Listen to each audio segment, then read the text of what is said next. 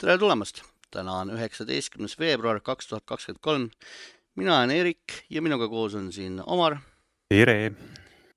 Tarmo, tere! Kristjan tere! ja külaliseks on meil Rein Soobel täna. tervitus! nagu ikka, meile meeldib mängida. ja alustamegi kohe Reinust. ma arvan, et paljud, kes meid siit hetkel kuulavad-vaatavad, teavad Reinu võib-olla puhata ja mängidest.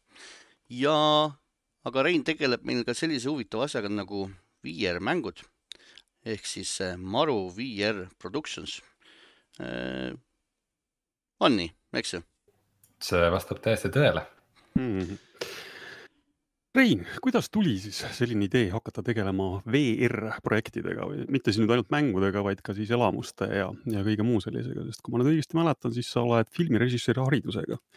et kust see tõuge järsku tuli, et, et aitab nendest äh, filmidest ja reklaamfilmidest küll, et, et tegeleks nüüd millegi sellise ruumilisemaga?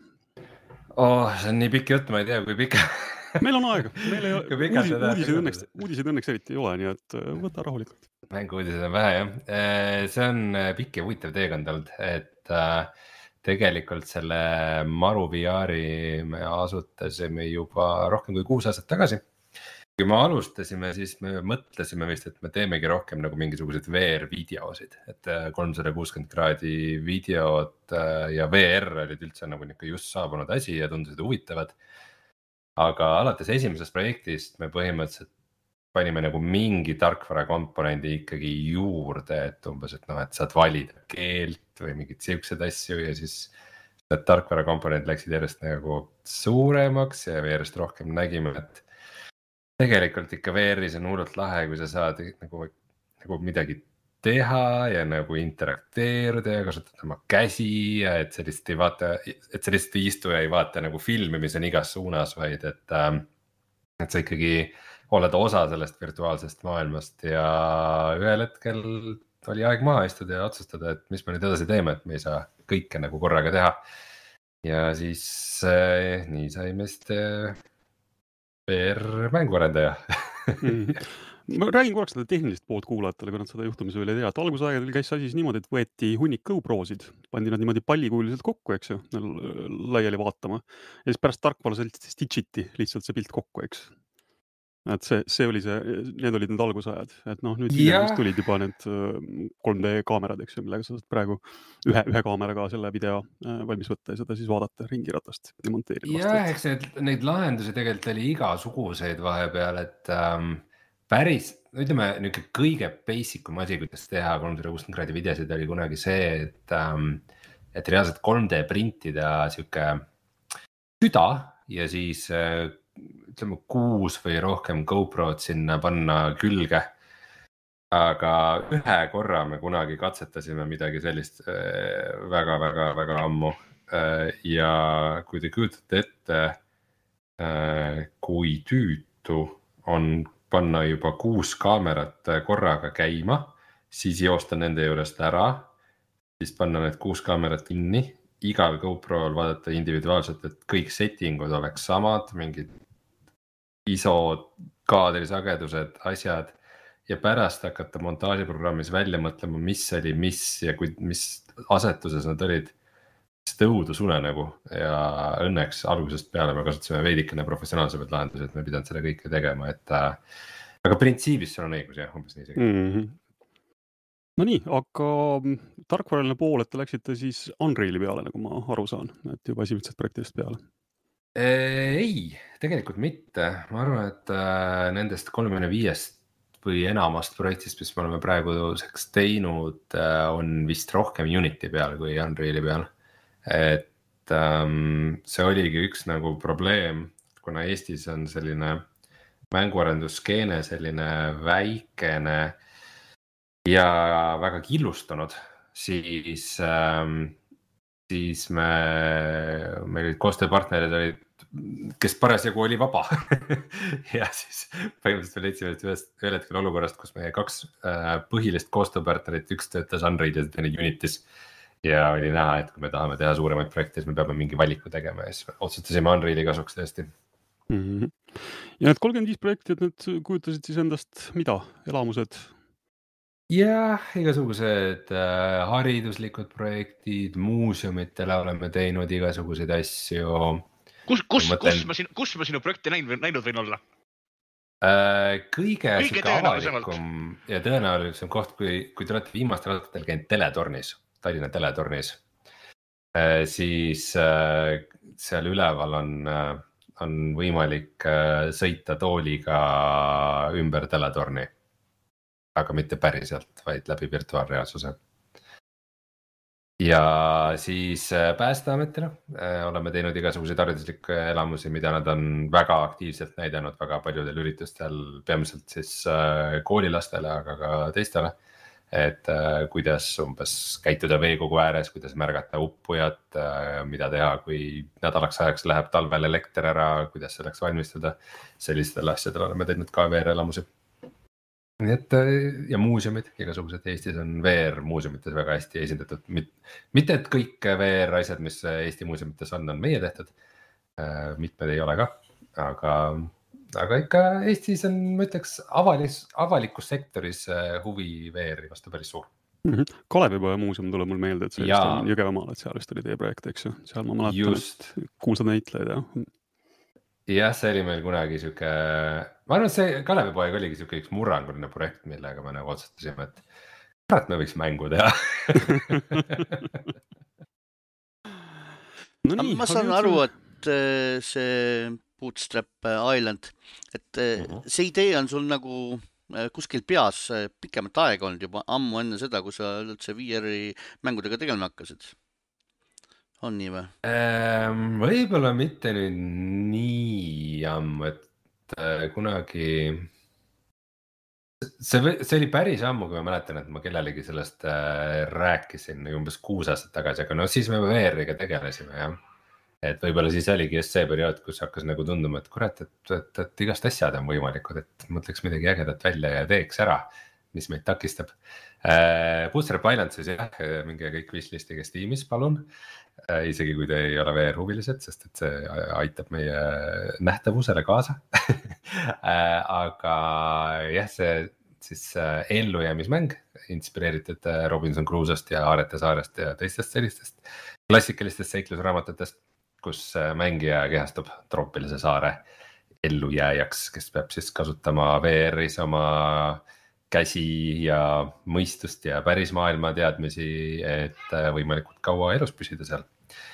ja avastada, mis selle saarega üldse toimub. mm. -hmm. kas äh, esimene asi, mida sa teed, on äh, rusikatega puu löömine või, või midagi muud?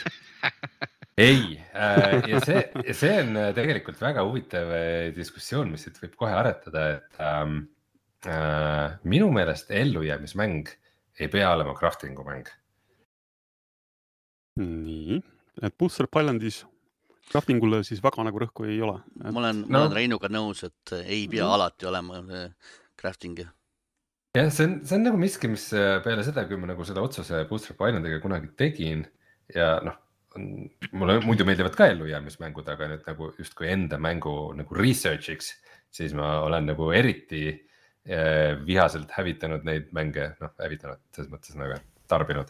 siis, siis ma saan hakata nagu veidikene häirima, et äh, justkui see on sihuke eeldus, et äh, ellujäämismäng, et okei okay,, et see tähendab seda, et võib-olla jah, et seal kuskil tiksub mingi janu või näljameeter, aga see pigem nagu käib närvidele. aga tegelikult, mida sa tahad seda teha, on see, et sa, sa arened mööda mingisugust tehnoloogia puud, et, et kõigepealt on, et jah, et rusikaga peksad puud, siis teed omale puust mingid asjad ja siis teed kivist ja siis saad paremaid metalle ja siis, et justkui, see ei ole ju survival, et, et nagu noh, külaehitusmängud ja ehitamismängud on väga ägedad ja, ja ma mängin neid ise ka, aga, aga nagu survival mäng ei pea seda ilmtingimata tähendama. ma ei tea, eks äh, kunagi, kui meie mäng välja tuleb, siis kas saame teada, kas mul oli õigus või mitte. millal demo Aga- proovida saab? Äh, millal demo proovida saab Jah. ähm,? loodetavasti sügisel. oo, päris äh, on, on lootust juba, oota, aga see tähendab seda, et äh, siis on ehk võib-olla ülejärgmisel või, või üle-ülejärgmisel aastal mängu oodata juba või? Ähm, nii palju sa ei taha välja lubada? ametlikku väljakuulutamist, väljatuleku kuupäeva pole meil kuulutatud. Aga ma võin öelda, et me nagu sisemiselt nagu sihime vaikselt järgmist aastat. ja see, kas sellest tuleb early access mäng või mitte, ei, ei taha ka praegu öelda, aga pigem kalduks praegu early access'i poole, mitte sellepärast, et me ei taha mängu valmis teha, vaid et early access võib olla ka nagu väga kasulik viis, kuidas saada varakult äh, mängijate tagasisidet. Te olete saanud nüüd eh, mingisugust Euroopa tuge ka vahepeal, eks värskelt, mõned nädalad tagasi. Et kui palju see on kaasa nagu nüüd aidanud? Äh, no see on ikkagi väga suur asi selles mõttes, et äh, me saime siis Euroopa Komisjoni toetuse mahus sada viiskümmend tuhat eurot ja Eestis pole ükski mäng kunagi midagi sellist teinud, et see on juba nagu mulle teatud ametkondadest teada antud, et, et see on nagu juba nende jaoks sihuke väga murranguline asi, et nagu, et justkui see tõestab, et Eestis on päriselt mingid mängud olemas, kes äh, võivad nagu mingit huvi äh, tekitada, noh, mitte et jah, Disco Elysiumit olemas ei oleks. aga äh, ütleme saja viiekümne tuhande euroga kindlasti mängu valmis ei tee. aga abiks on ta kindlasti ja kindlasti on ta ka abiks selles osas, et see äh, edukas taotlus justkui ikkagi tõestab, et meie näol ei ole päris tegu selliste nagu pühapäevaüritajatega, et me ikkagi nagu natukene teame, mis me teeme, sest see see kogu tõestamisprotsess ja kõik see, mis selle taotlusega kaasnes, oli mahukas. mm. -hmm. kulude poolest rääkides, et kõige suurem probleem on ilmselt arendajad või noh, kas probleem, aga, aga suurem väljaminekuallikas, et kui mitu inimest äh, praegu Bootstrap Islandi peal töötab? mm,. Meie tiim läheneb kümnele äh, või on kuskil seal kümne kandis, et äh, mõned, mõned muud äh, asjad on praegu ka nagu lõppjärgus. et kõik päris sajaprotsendiliselt veel ei saa mängule pühenduda, aga äh,, aga põhimõtteliselt jah, umbes, umbes kümme inimest võib öelda, on see nagu tuumiktiimi sisu ja siis sinna lisanduvad veel igasugused välised 3D mudelite vorpijad ja asjad, kes ei ole otseselt nagu maru, maru töötajad. et ma aru saan, töötajaid on tegelikult rohkem, aga mõned lihtsalt tegelevad veel teiste projektidega, jah? ei, et Marus on ligi kümme töötajat okay, praegu selge., et, et meil on igasuguseid partnereid ka. mm. -hmm.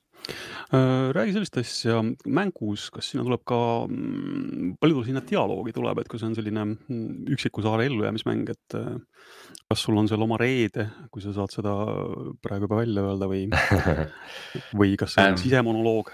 ma, ma eelistaks Wilsonit. no aga treileris on ju, treiler on väljas. no aga See- seal, seal, seal, võib-olla kutsuvad on Factorid, ma eeldan, et ühele saab ikka silmad pähe joonistada. Äh, treileris äh, tõesti räägib üks äh, ingliskeelne härrasmees. see on hääl, mida sa kuuled ähm, kogu mängu jooksul, kes kommenteerib sinu tegevusi ja mõtteid ja seda, kuidas sul läheb. kes see hääl on? kas ta on keegi tegelane saarel, kas ta on sina ise? kas ta on keegi üleloomulik olevus, seda sa ei tea, saad selle kohta infot, kui sa jõuad kaugemale, aga, aga esialgu on see saladus, kes see on. ja ja eesti keel, eesti keeles tuleb vähemalt Ott Sepp kindlasti. jah, või. kas ikka, kas ikka tuleb eesti, eesti keele tõlge ikka tuleb, onju? tahaks loota ju kuidas, kuidas kõlab mängu, kuidas kõlab mängu pealkiri eesti keeles? Äh, Ränikivisaar, Ränikivisaar. ei, see oli üks vana nimi, meil oli enne teine nimi, ma ei teagi. Saapapaela saar see kõlab tegelikult ju päris hästi, ilusa, ilusa alliteratsioon. Bootstraps, bootstraps. mm. -hmm. jah, ja mis puudutas sellest, et kas sa leiad oma reede seal selles piirkonnas äh, on nähtud igasuguseid huvitavaid hõime, kellega sa tõenäoliselt varem või hiljem kokku puutud. Kuidas see, kuidas see kuidas see suhtlus välja näeb või kas sa saad nendega sõbraks või mitte, see sõltub juba mängijast endast mm. -hmm. räägi mulle sellist asja, millise riistvara peal see mäng äh, tööle hakkab, et mille peal teda mängida saab um,? no Steamis on see, et kui mäng lasta Steamis välja, siis üldiselt on nagu eeldus, et ta võiks töötada niivõrd paljude VR peaseadmete peal kui võimalik äh,. kindlasti kõige populaarsem äh, VR peaseade, mida inimesed arvutiga ühendavad praegu on Quest kaks. aga ka näiteks Valve Index, mm, teised Oculus'e peaseadmed äh,, HTC Vive. Windows Mixed Reality loodetavasti ka kunagi, aga no ütleme mida rohkem, seda uhkem, et äh, mida rohkem inimesi Steamis äh, mängu mängida saavad, seda parem mm. -hmm. Omar, Omar tahab teada, kas on mõtet osta tal Playstation VR kahte, et kas ta saab sinu mängu ka seal mängida um,? ütleme nii. kuidas ma nüüd viisakalt vastan? pigem ei. ütleme, ütleme, ütleme niimoodi, et um, mm, VR maailmas praegu domineerivad mobiilsed peaseadmed ehk siis Quest kaks nagu stand-alone peaseadmena ilma arvutiga ühendamata. ja kuna meie ei tee stand-alone mängu, oleks meist väga rumal mitte ühel hetkel seda mängu Playstation VR kahele välja lasta. ühesõnaga, et lootust on. see on hea vastus. ja, et äh, ma olen nüüd hästi põgusalt saanud Playstation VR kahte ise proovida. kuidas muljed olid? ja mul on ootused väga-väga kõrgel, ma arvan, et Playstation VR kaks on peaseade, mis lükkab äh, virtuaalreaalsuse maastiku järgmisele tasemele. et kas sa oled Boosted Islandis, olete juba selle peale ka mõelnud, et kuidas silmade jälgimist ära kasutada või, või muid funktsionaalsust, mis seal olemas on? Oleme. Mm, no esimene asi lihtsalt on see, et ähm, PlayStation VR kahe, kui ma nüüd lähen natukene tehniliseks no,, äh, selle silma jälgimine äh, võimaldab siis sihukest tehnoloogiat nagu foveated rendering. mis tähendab seda, et ähm, mäng, ütleme riistvara ei raiska ressurssi nii palju, et renderdada neid kohti, kuhu mängija parasjagu ei vaata ehk siis äh, see, kuhu sinu pildid parasjagu vaatavad, see äh, koht on nagu renderdatud detailsemalt ja muu on siuksem hägusam ja udusem. ja see võimaldab juba ilusamat graafikat ja ilusam graafika VR-is ei ole nagu, see ei ole päris sama nagu see, et äh, kui sa vaatad nagu ekraanilt asja ja mõtled, et noh.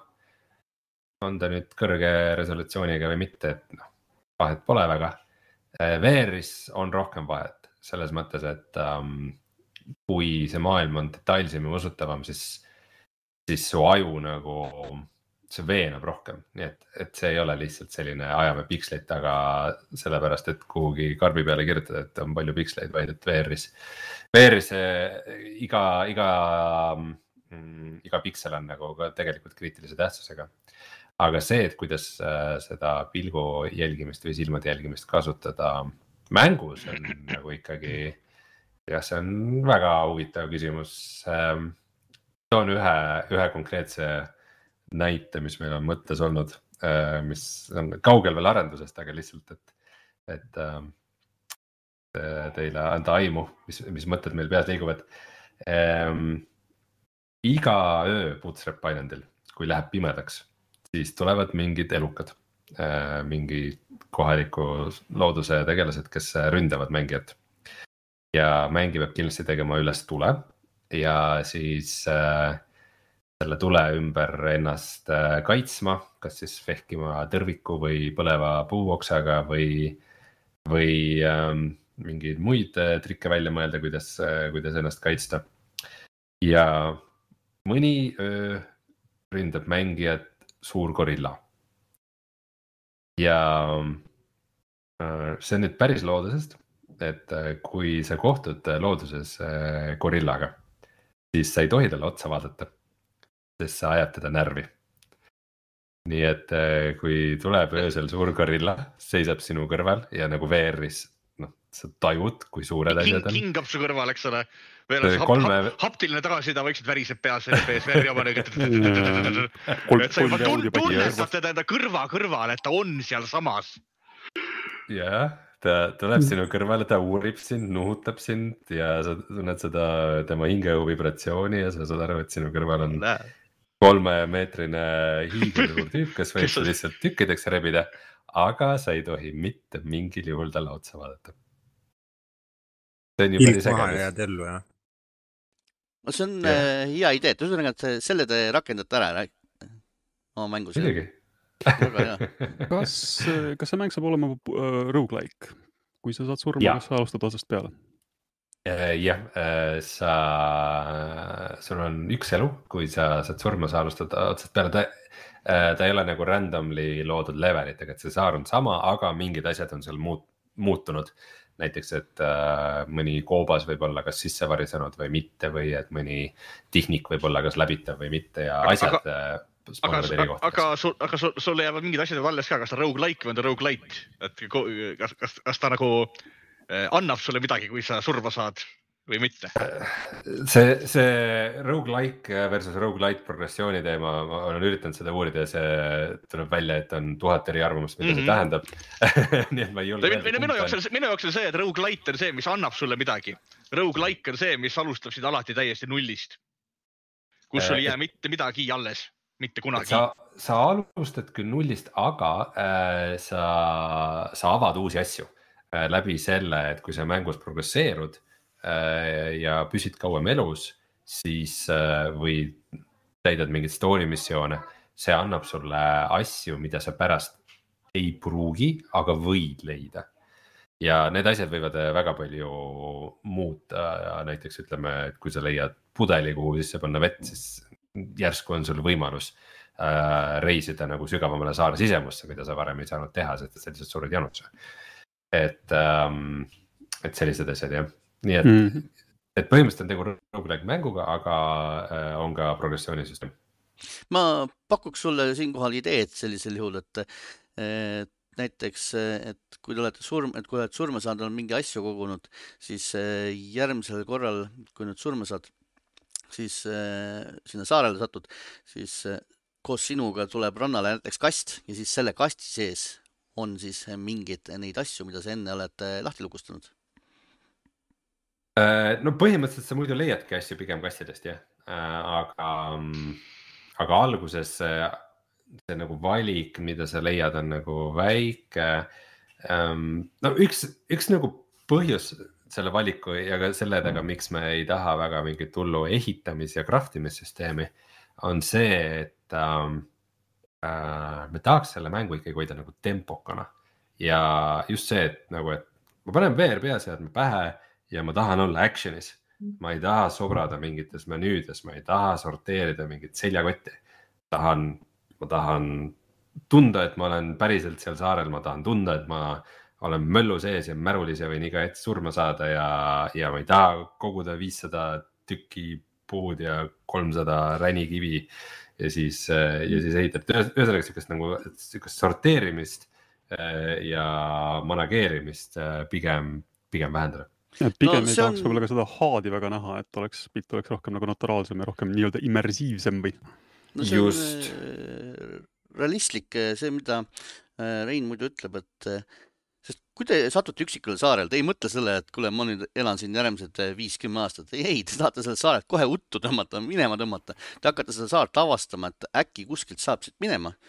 Te ei hakata seal, ei hakka seal maad harima, nagu nendes äh, survival mängudes tavaliselt on, et sa ikka söök jah, ja vesi on, on põhilised asjad ja siis sa nagu hakkad, hakkad ju edasi m- saart avastama, et teisele poole, et kui suur see saar üldse on. äkki see on ikka tsiviliseeritud saar jah? äkki see ei olegi see, jah. mis teie võtaksite kaasa üksikule saarele? vot kui ma teaks, et ma sinna satun, eks ju, siis ma ei tea, satelliittelefoni tõenäoliselt. jah, Switch'i mängudega. akupanga. päike, päikesepaneeli, eks ju mm. -hmm. aga siin vaatajad on meil siin äh, küsinud veel, mida me ei ole küsinud Reinu käest. et äh, mis on nagu kõige suuremad äh, väljakutsed hetkel ühe VR videomängu valmimisel? kõige suuremad väljakutsed mm,? no ütleme, kõik on raske. Mind huvitab just, just see pool, et võrreldes nüüd noh, tavamänguna olgu, et sa ei ole nüüd tavaliste mängudega nüüd nii palju tegelenud, aga et, et kui palju see arendaja või, või testija peab reaalselt äh, aega VR-is viit, viitma ja kui, kui väsitav see nagu füüsiliselt on, et sest noh, ma saan aru, et mäng on noh, pole veel päris valmis, et ta ei ole võib-olla veel nüüd päris ideaalselt optimeeritud, et võib-olla kaadrisagedus ei ole veel päris ideaalne. sest noh, ma tean ühe korra, kui ma, ma üldiselt talun VR-i päris hästi, liikumist talun päris hästi, aga ühe korra, kui mind huvitas, mis tunne see on, kui süda pahaks läheb, siis ma suutsin ühes mängus kaadrisageduse väga madalaks ajada, see, see, see töötas, see töötas väga hästi, ma rohkem enam ei tea. see on rõve jah. Rein teeb oksepank jalge vahel aga et, et kui raske see arendajale või, või äh, testijale nagu füüsiliselt on või, või noh, kui, kui palju aega nad VR-is üldse veedavad ja kui palju ikkagi tavalise ekraani taga? no ideaalis on, on niimoodi, et kogu aeg on VR peaseade laua peal ja põhimõtteliselt teed midagi valmis, vaatad VR-is, teed midagi valmis, vaatad VR-is, et, et ütleme. VR-is ma arvan, et peab nagu olema hästi aus enda vastu, et asi, mis sa arvasid, et on äge Äh, tegelikult ei pruugi olla ja sageli kohe nagu esimesel hetkel tuleb välja miski, mis noh, mis lihtsalt ei toimi VR-is, et, et näiteks äh, Half-Life Alyxil on päris head need äh, kommentaarid, et kus nad äh, developer kommentaarid, kus nad räägivad nagu igast eri aspektidest ja üks asi seal oli see, et äh, nad võrreldes eelmiste Half-Life idega tegid äh, vaenlaseid lollimaks ja nagu ette ennustavamaks ja, ja noh, sest muidu lihtsalt sind VR-is overwhelm itakse väga lihtsasti, kui sul tuleb eri külje alt äh, vastaseid.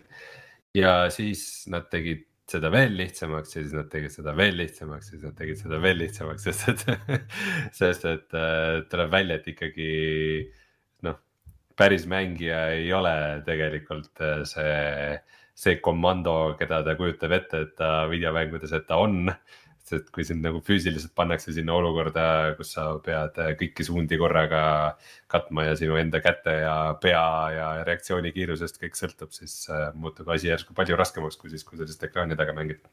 et ma arvan, et see on kindlasti üks keerulisi aspekte nagu ja põhjus, miks me tahame early access'i mängu teha, on see, et, et me ei tea täpselt, kes on need potentsiaalsed mängijad et kas need on, kas nagu keskmine VR mängija on sihuke rohkem hardcore tüüp või, või rohkem sihuke nagu casual inimene, et kindlasti on ju neid, kes võib-olla nagu alles said VR peaseadme ja tahavad proovida mingit mängu, kes võib-olla satuvad Bootstrap Islandit proovima või, või on kindlasti just need vanad kalad, kes on nagu kuus aastat või rohkem kõiki VR mänge mänginud, mis üldse välja on tulnud, et. Et teha mängu, mis kõigi jaoks oleks korraga põnev, on ikkagi väga raske mm. -hmm. sest meil on tegelikult Eestist üks VR edulugu ette näidata Mm -hmm. et CM Games on teinud sellise toreda mängu nagu Into the Radius VR, mis on ähm, üks populaarsemaid VR-mänge üldse. sest ma mäletan kunagi Puhatajad mängida saates Äh, käis äh, nende juht teiega rääkimas, tol, toona oli see projekt veel niisugune väike, et noh, see oli niisugune hobiprojekt, mis lasti töötajatel nagu nii-öelda kõrvalt teha. Aga mm -hmm. ühel hetkel see ikkagi kasvas, kasvas nii suureks ja muutus ikkagi ka ettevõtte jaoks kasumlikuks, eks ju. jah, ähm, hiljuti Vladimiriga rääkisin, et äh, äh, ma ei tea, kui palju ma muidugi tohin avalikult rääkida, aga et, et äh, ma saan aru, et see mäng on sihukesest ühe töötaja hobiprojektist saanud selliseks ettevõtte põhiliseks tuluallikaks, et CM Games on nagu päris suur ettevõte mm. -hmm. et äh, kindlasti äh,, kindlasti neil on väga suur edulugu see ja neilt on väga palju õppida ja, ja äh, töö käigus ilmselt nii mõnigi kord tahame neilt nõu ka küsida. no ma tuletan meelde, et nad alustasid sellise mobiilimänguga nagu Drag Racing või midagi taolist oli selle, selle nimi. just. Nitro Nationid ja asjad jah, ja, ja ja tegid vahepeal X-Filesi mängu, et, et, et Into the Radius on selles mõttes äh, äge mäng, et on ikkagi nagu ka äh,. kes ei tea, siis see on sihuke nagu Stalkerist inspireeritud selline post-sovjetlik äh,, äh, veidi üleloomulik äh, õudus, ellujäämismäng, ma ei tea, rogu-like ilmselt ei saa ta kohta öelda, ma ei tea, kas ta päris rogu-like'ina on mõeldud aga, aga niisugune julge mäng, mis äh, leidis nagu kindlasti oma audientsi ja eelmine aasta nad tulid siis välja Quest kahe platvormil ja seal on nad ka väga edukad. vist olid aasta, aasta top kümne mängu seas. Aga rääkides tagasisidest ja Early Access'ist, näe, võtke Tarmo omale, ta on meil suur VR fänn aastaid-aastaid, ühesõnaga ta, ta hakkab kohe vinguma teie kallal, ta tahab kohe kindlasti küsida, ta ei ole veel siiamaani me ei ole lubanud tal siiamaani küsida, kuidas on lugu veeringidega teie mängus?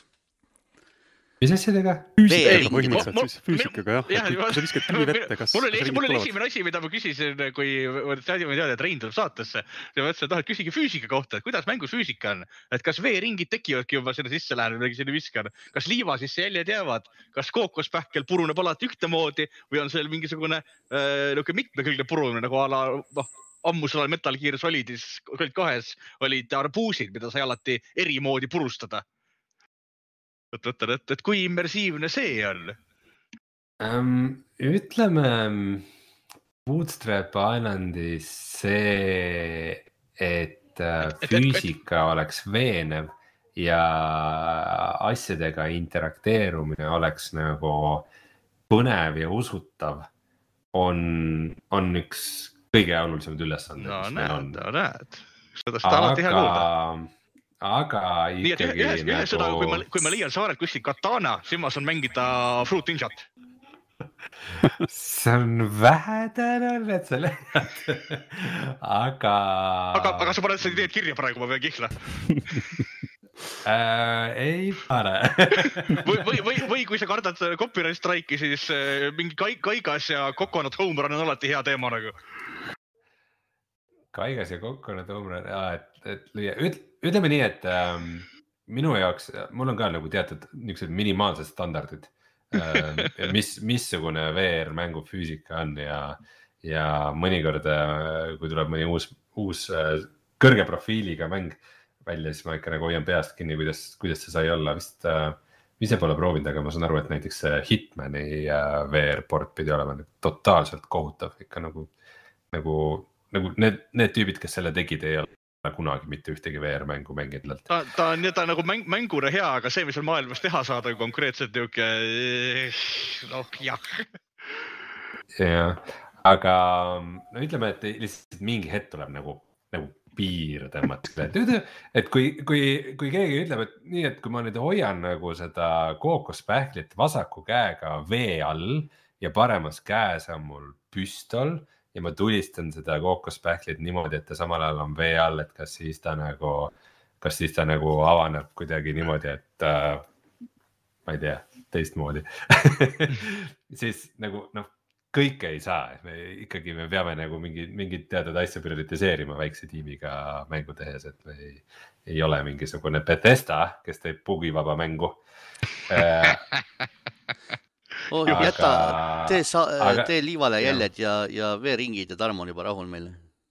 viimane jäljed ja veeringid kaks asja, mida ma praegu lubada ei julge, aga ma panen kirja. liivale ring äh,, liivale liiv- ringid no ja liivale vee, joonistada- vetejäljed jah. liivale joonistada peab ikka saama kaikaga. see oli, see oli Hal- Half-Life Alyxis oli esimene asi, mis rent oli äh, klaas ja vil- vildikad. kas sa said see, kas sa said ülejäänud said. mängus, kas sa terves ülejäänud mängus kusagil said millegi muuga joonistada millegi muu peale? ma siis seda ei pannud tähele, siis ma hakkasin tulistama asju juba. aga No see oli esimene asi, täpselt. mängida anti, aga kui sa booster'it painad, see No esimene asi, kus viiakse, on liiv, rand. ja kui ma nüüd võtan mingi kaika ja ma tõmban seda, ma tahaks näha seda jälge seal. Tahad- isegi Beat isegi Beat Saberis saab maha joonistada mõõga ju. tahad liivale joonistada suure help? või, või, või, või suguelundeid nagu noh, inimeste kombeks. Sa saad kividest äh, põhimõtteliselt teha igast kujundeid. juba, juba parem, juba parem. jah. aga okay. kindlasti tahaks jälge, sest jäljed tegelikult on ka selles mõttes on kohe nagu huvitav mehaanika. siis nad ütlevad sulle, kus sa oled käinud, et kui sa muidu võid nagu kaotada orientiiri, siis liiva peal jäljed on ahah, ma tulin siit mm. -hmm. see on kohe nagu hea info ju. ei, seda, seda kõik, kõike väga hea kuulda, ma ma jään huviga ootama, millal ma seda PlayStation kahe, PlayStation VR kahel mängida saan. muidugi, muidugi jah, ma pean ütlema nagu, et äh, nagu olles äh, kümme aastat puhata mängida saates ja enne seda digis nagu äh, sõimanud mänge ja öelnud, kui lollid arendajad on, et nad ei oska teha mingeid asju, et kas nad ei tea, et päris maailmas on asjad nii, siis äh, päris mänguarendusega tegeledes on minu sinisilmsus veidikene vähenenud, et äh, kui, kui näiteks äh, see, et äh, veepinna peal varjud töötaks, on juba mingisugune tohutu ettevõtmine mingite Unreal'i versioonide ja teatud tehnoloogiate kombinatsiooniga, siis. No siin on see ja. vahe, et eh, kas on, eks ju, indie arendaja või on AA arendaja, et indie arendajat loomulikult eh, ootab vähem äh,, triple A arendajalt ootaks natuke ikka rohkem äh,, suuremad summad, suurem meeskond, suuremad võimalused. et seal nagu tahaks ja. rohkem näha aga meilt on, on sinult on veel küsitud niisugune küsimus, et et kuigi mäng veel ei ole valmis, aga te olete igasuguseid muid mänge teinud siin. kas sa, kui sa täna tagasi vaatad eh, sellele ajaloole ja mõtled, eh, et kas sa tahaksid kõike seda kadalap, kadalippu uuesti alustada, et kas sa soovitaksid teistelegi millegi sellisega alustada? äh,? kindlasti soovitan, selles mõttes ikkagi mm, millegi loomine on ikkagi äge nii, nii, nii enda jaoks kui ka, kui ka selle jaoks, et ju pärast jääb midagi alles ka äh,. aga jah äh,, millegi hästi tegemine on eriti veel tiimiga tegemine, et äh, suuremat meeskonda nagu, nagu juhendada, et kõik sama eesmärgi nimel äh, töötaksid, et see lihtsalt võib minna kordades keerulisemaks, et. Et ega ilmaasjata ei öelda, et seda viimast kümmet protsenti, et selle, selle tegemiseks kulub üheksakümmend protsenti ajast, et nagu. kiiresti midagi nagu paljutõotavat kokku panna ei ole nii raske, kui nagu päriselt mingi asi äh, lõpuni, lõpuni valmis teha aga noh, ikkagi jah, väikesel arendajal piiratud ressursside tingimustes sa pead kuskile need prioriteedid pead panema ja kuskilt ilmselt mm -hmm. peab ikkagi nagu joone tõmbama, et päris kõike lihtsalt ei ole võimalik füüsiliselt teha, eks ju. Ja jooksvalt yeah. näed, küsitakse sinu käest siin, et eh, kas vihma ka sajab mängus, et eh, kui vihma sajab, et kas jäljed siis kaovad ära? Äh, kindlasti ilmastikusüsteem tuleb ja kindlasti mm. need peaks ilm, peaks vihm vihkama jäljed, jah, sada protsenti nõus kui palju lisab keerukust see, et et arvuti peal võib inimestel olla väga erinev riistvara, et arvuti võib olla väga erinev, äh, peaseade võib olla erinev, et ähm, kui palju testimisel ja, ja arendamisel peab selle peale nagu mõtlema, et, et ta töötaks seal äh, noh, sellisest keskmisest kartulist natuke kobedama masina peal, aga, aga ka erinevate peaseadmetega no eks ikka peab äh, ja ikka see teeb elu keerulisemaks, et see on, see on ka põhjus, miks arendajad üldiselt armastavad konsoole rohkem kui, kui arvutit, sest et kui keegi üritab kartuliga mängu käima panna, siis see, kui see mäng ilusti ei tööta, siis ega see ei ole ju selle süü, et mängijal no, on kartul. läheb, annab sulle negatiivse ju... tagasiside, sest jah. no just, see on mm. arendaja süü. üks, üks äh, kümnest mängitamatu kelts. jah yeah just äh, see, see nädal rääkisin ühe, ühe välismaa äh, stuudio, VR stuudio töötajatega, kes eelmine aasta välja läksid ühe mängu. ja ütlesid, et äh, said ka vihast, vihaseid kommentaare või vihaseid review sid sellepärast, et tegu on VR mänguga. oli inimesi, kes ostsid mängu ja, ja siis olid väga vihased, et miks see VR mäng on mm. -hmm. sest praegu ma vaatan äh, Steam'i lehte, siin on suurelt punane või niisugune oranž kast on, äh, kus ütleb, et, et see mäng vajab VR peaseadet, aga noh, kindlasti on inimesi, kellel see pisiasi kipub ikka kahe silma vahele jääma. juures Steam isegi jah, mõnikord ei tee seda liiga arusaadavaks. Äh, siin, siin nagu ei saa välistada küll, et mingisuguseid arusaamatusi võib tekkida. aga. võib-olla on arendajal endal mõni linnuke panemata jäänud kuhugi jah jah, aga kindlasti jah, see, see peamine põhjus teeb ja nagu ka rääkides sellest, et äh,. et mis riistvara see mäng nõuab, siis ähm, me oleme ikkagi avastanud, et DLSS on väga palju abiks. et äh, nüüd ütleme, kui mäng tuleks välja aastal kaks tuhat kakskümmend neli, siis äh, nagu me oleme mänginud mõttega, et ikkagi panna nii-öelda nagu soovitavaks või nõutud graafikakaardiks äh, RTX kaardid, millel on siis DLSS-i tugi. DLSS, kes siis ei tea, on see, et äh, ai põhimõtteliselt upscale ib natukene resolutsiooni ja seega saab äh, sama ressursiga parema graafika ja tundub, et kuna esimesed need DLSS kaardid tulid taga, tulid juba mingi kaks tuhat kakskümmend aastal äkki või? isegi varem. kaks, RTX kaks, jah. Ei, kaks tuhat, kaheksateist vist juba, et see, et see, et nõuda põhimõtteliselt mänguga, et sul peab olema uuem kui kuus, kuue aasta vanune graafikakaart.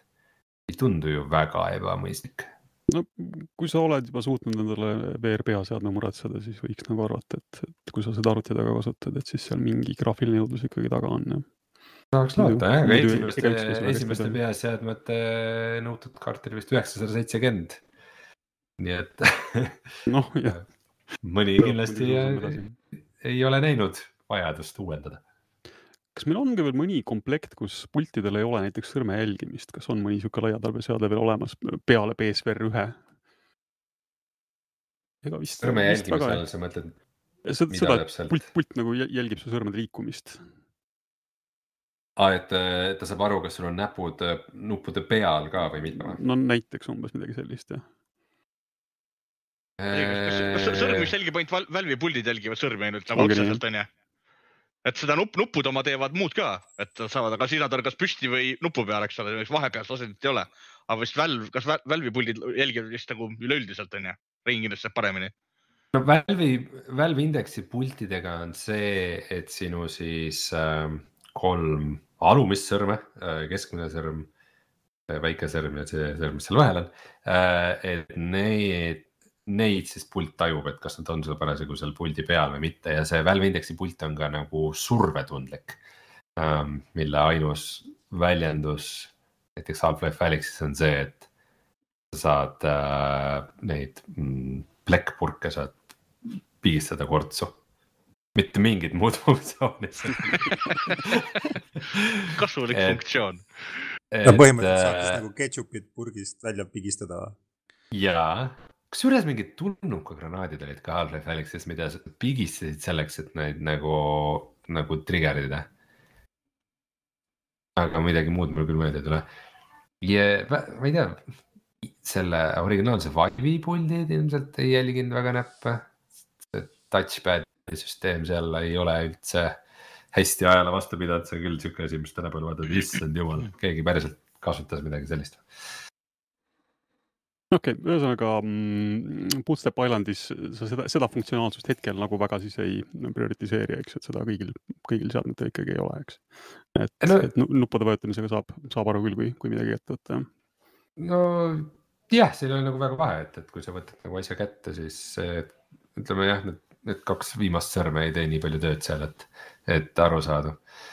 tegelikult üks, üks asi kui me siin lähme nagu VR detailidesse või tehnilistesse detailidesse, mis ma avastasin nagu nii-öelda nagu research'i käigus.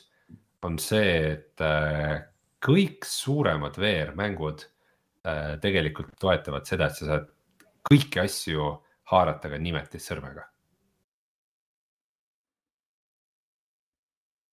nimetissõrmega. ei tundu nagu loogiline, et justkui VR puldis on, et sul on noh, et nimetissõrme all on päästik, on ju ja keskmise sõrme all või siis alumiste sõrmede all on see krabamine, eks, et, et nagu, et, et niimoodi ma nagu terve käega võtan asju ja siis nimetissõrmega ma võib-olla võtan mingeid tillukesi asju, aga tegelikult mingites Boneworks ides, Half-Life Alyxides mängudes sa saad täiesti võtta kõik asjad ainult nimetissõrmega üles.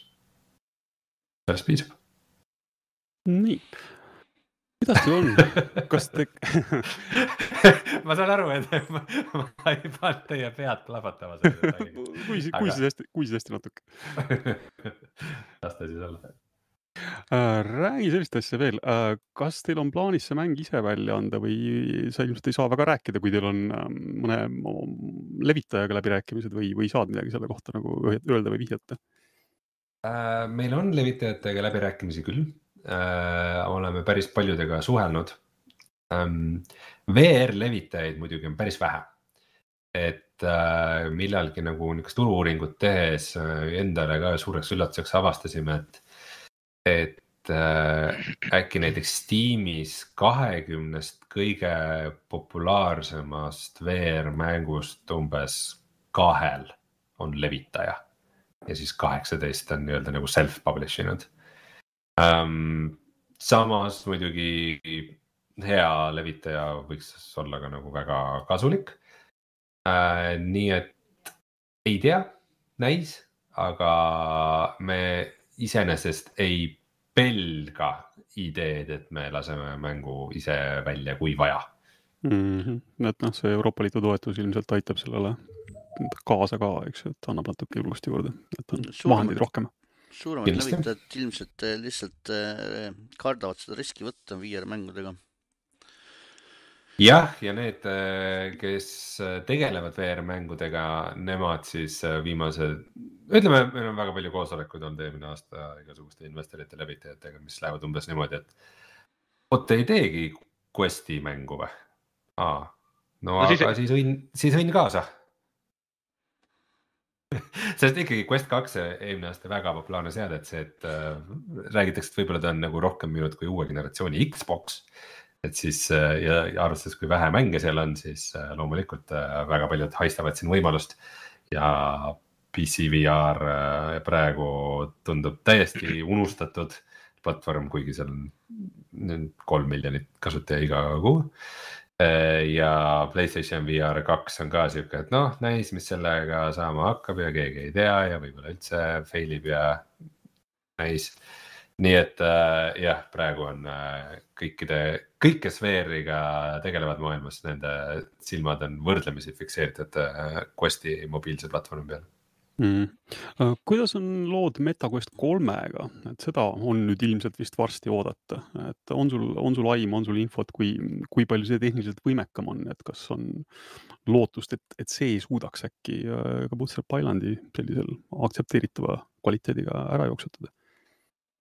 Äh, Quest kolm nüüd siis järjest rohkem on nagu vihjamisi infot selle kohta, et see võiks nüüd siis selle aasta lõpus välja tulla, et kuskil seal septembris-oktoobris äh,. aga noh, ta on ikkagi mobiilne peaseade, et isegi kui ta on nagu võimsam mobiilne peaseade äh,, siis esiteks ta jookseb Androidil, mis tähendab nagu tarkvaraliselt äh, väga-väga-väga palju spetsiifilisi ähm, probleeme, millega peab arenduses tegema ja Unreal ei ole maailma kõige parem mootor äh, mobiili, mobiilse arenduse jaoks. ja teiseks äh, mobiilsed kiibid ikkagi nagu äh, graafikakaartidest ja Playstation viiest äh, on ikkagi mm, rohkem kui kümme korda on nõrgemad. nii et selles mõttes ikkagi on, on päris palju minna, aga noh, samas Into the Radius läks, seal taga oli väga-väga palju tööd, aga, aga põhimõtteliselt äh, töötab vist Questis päris kenasti ja ei pidanud väga suuri ohvreid tegema, nii et äh, mine tea. no selles mõttes, et kui sul arvuti on, siis ja Quest kaks on, siis nagu ei ole probleemi, kõik need asjad, mis sul arvutil on, jooksevad ilusti Quest kahe peal. Lihtsalt kuidas sul ei ole nagu otseselt eh, jah, Quest kahe enda mäng, aga, aga kui Quest kahe omanikul on arvuti oma, siis nad saavad ikkagi sinu, sinu mängu mängida. loomulikult, kaks on praegu kõige populaarsem PC VR peaseade.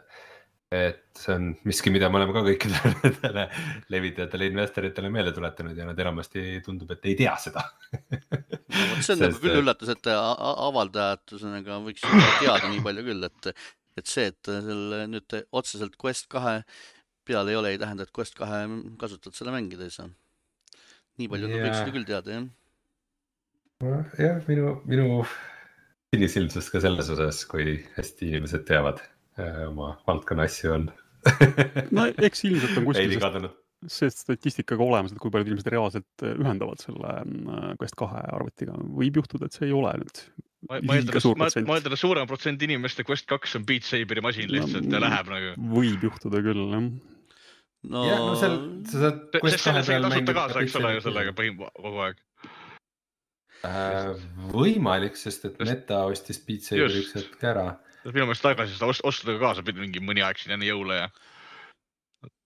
jah, no siin tekib see Wii efekt nagu kui Wii kunagi ilmus, siis eh, väga paljud inimesed, oota, siin on veel mänge peale Wii Sportsi või? ahah, selge, et ma usun, et Ocu- selle Oculusega või noh, Questiga on täpselt sama, sama efekt.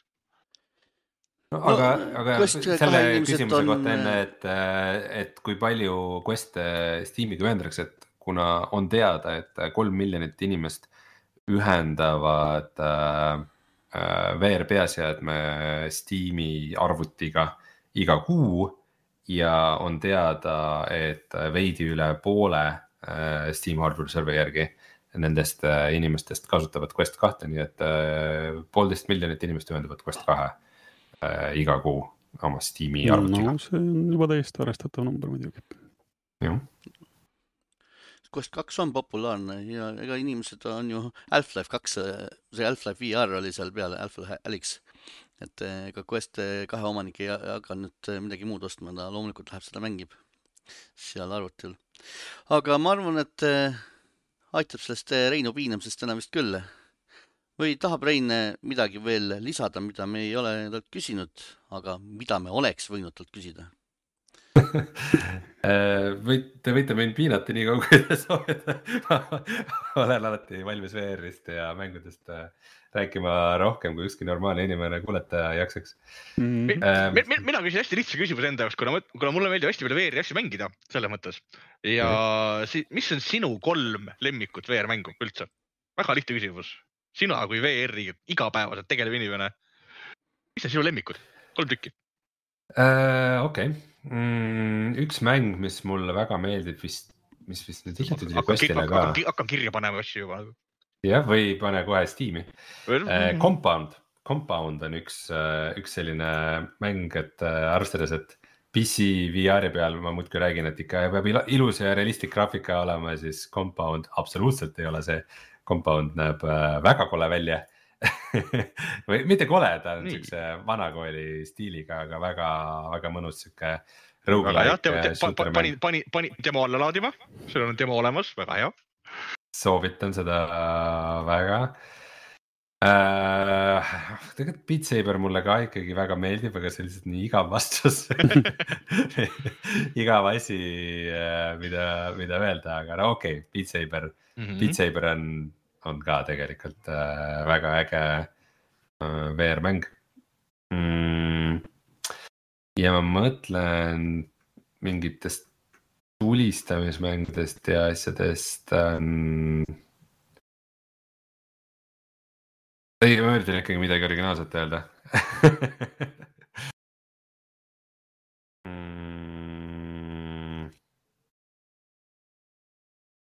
ah, mis sa jonnid, ütle ära Oscars, Oscars Wrath. tead, üks mäng, mis on tegelikult äh, Oscars. väga, väga piinlikult äh, alahinnatud või alaräägitud, on Oscars Wrath äh,. mille jama on see, et ta tuli välja ainult Oculus'e platvormil, ehk siis teda ei ole Steamis äh,. praegu ei tuleta meeldegi seda.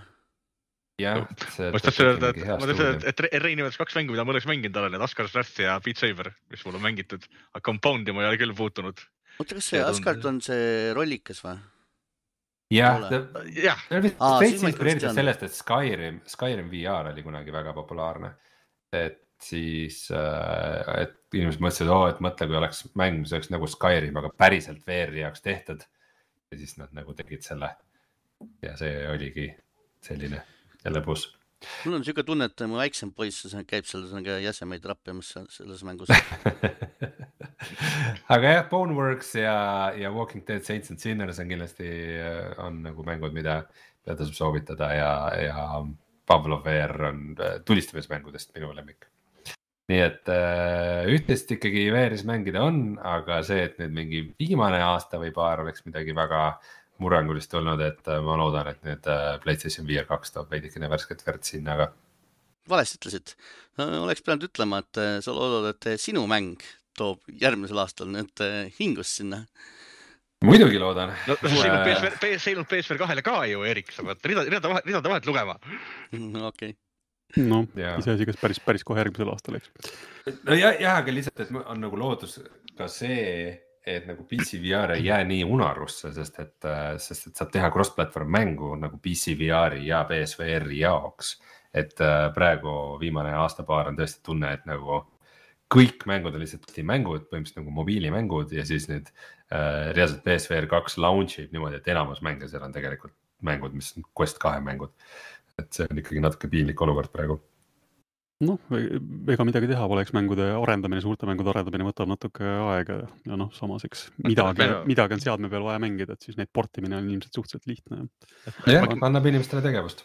aga loodetavasti tulevad need suured ja paremad asjad sinna PSVR kahe peale ka, me ootame ka siin ikkagi pikisilmi Tarmo muidugi eriti. mina, ma, ma ootan, ma ootan tegelikult, ma Foodstrap Pilot natuke ootan, sest just, just kui sa nüüd siin saates mainisid seda ingliskeelset häält, mis sinu peas või noh, kuskil seal saare peal sinuga kõneleb, siis mulle endale jubedalt meeldis see Senua's Sacrifice'i VR versioon, Mm. kui sa seda mänginud oled?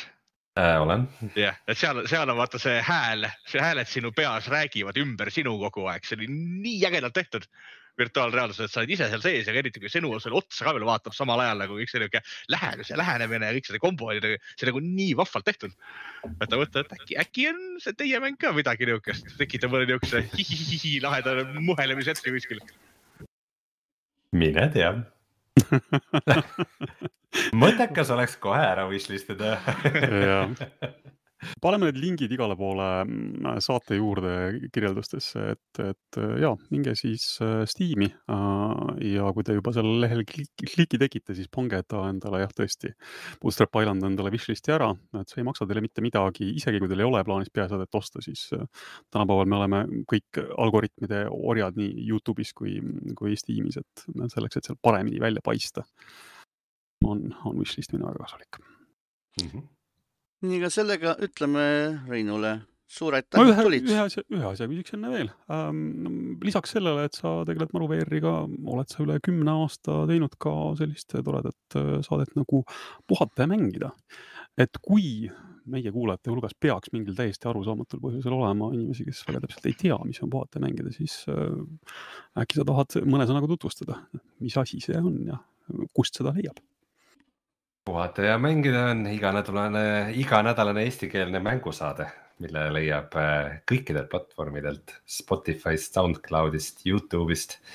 ja seda saab siis äh, kuulata kõik teie eelistatud podcast'i platvormil või neljapäeva õhtuti vaadata Youtube'is laivi ja kommenteerida kaasa. jah, oleme teinud seda nüüd üle kümne aasta, mis, see on päris ära, palju. ära, ära ei hakka tüütama juba. meil on siin, meil läheb üle kolme vist jah? ja kuidas teil on, tüütab ära või? naljakal kombel siiamaani veel mitte, näed, teeme no ma ei tea, vaikselt venib sinnapoole, ma olen tavaliselt kümme minti saate alguses kohal, teised tulevad minut enne nagu noh, keegi ei viitsinud kohale tullagi, ma üksinda istun siin. mina ei tea, mis toimub.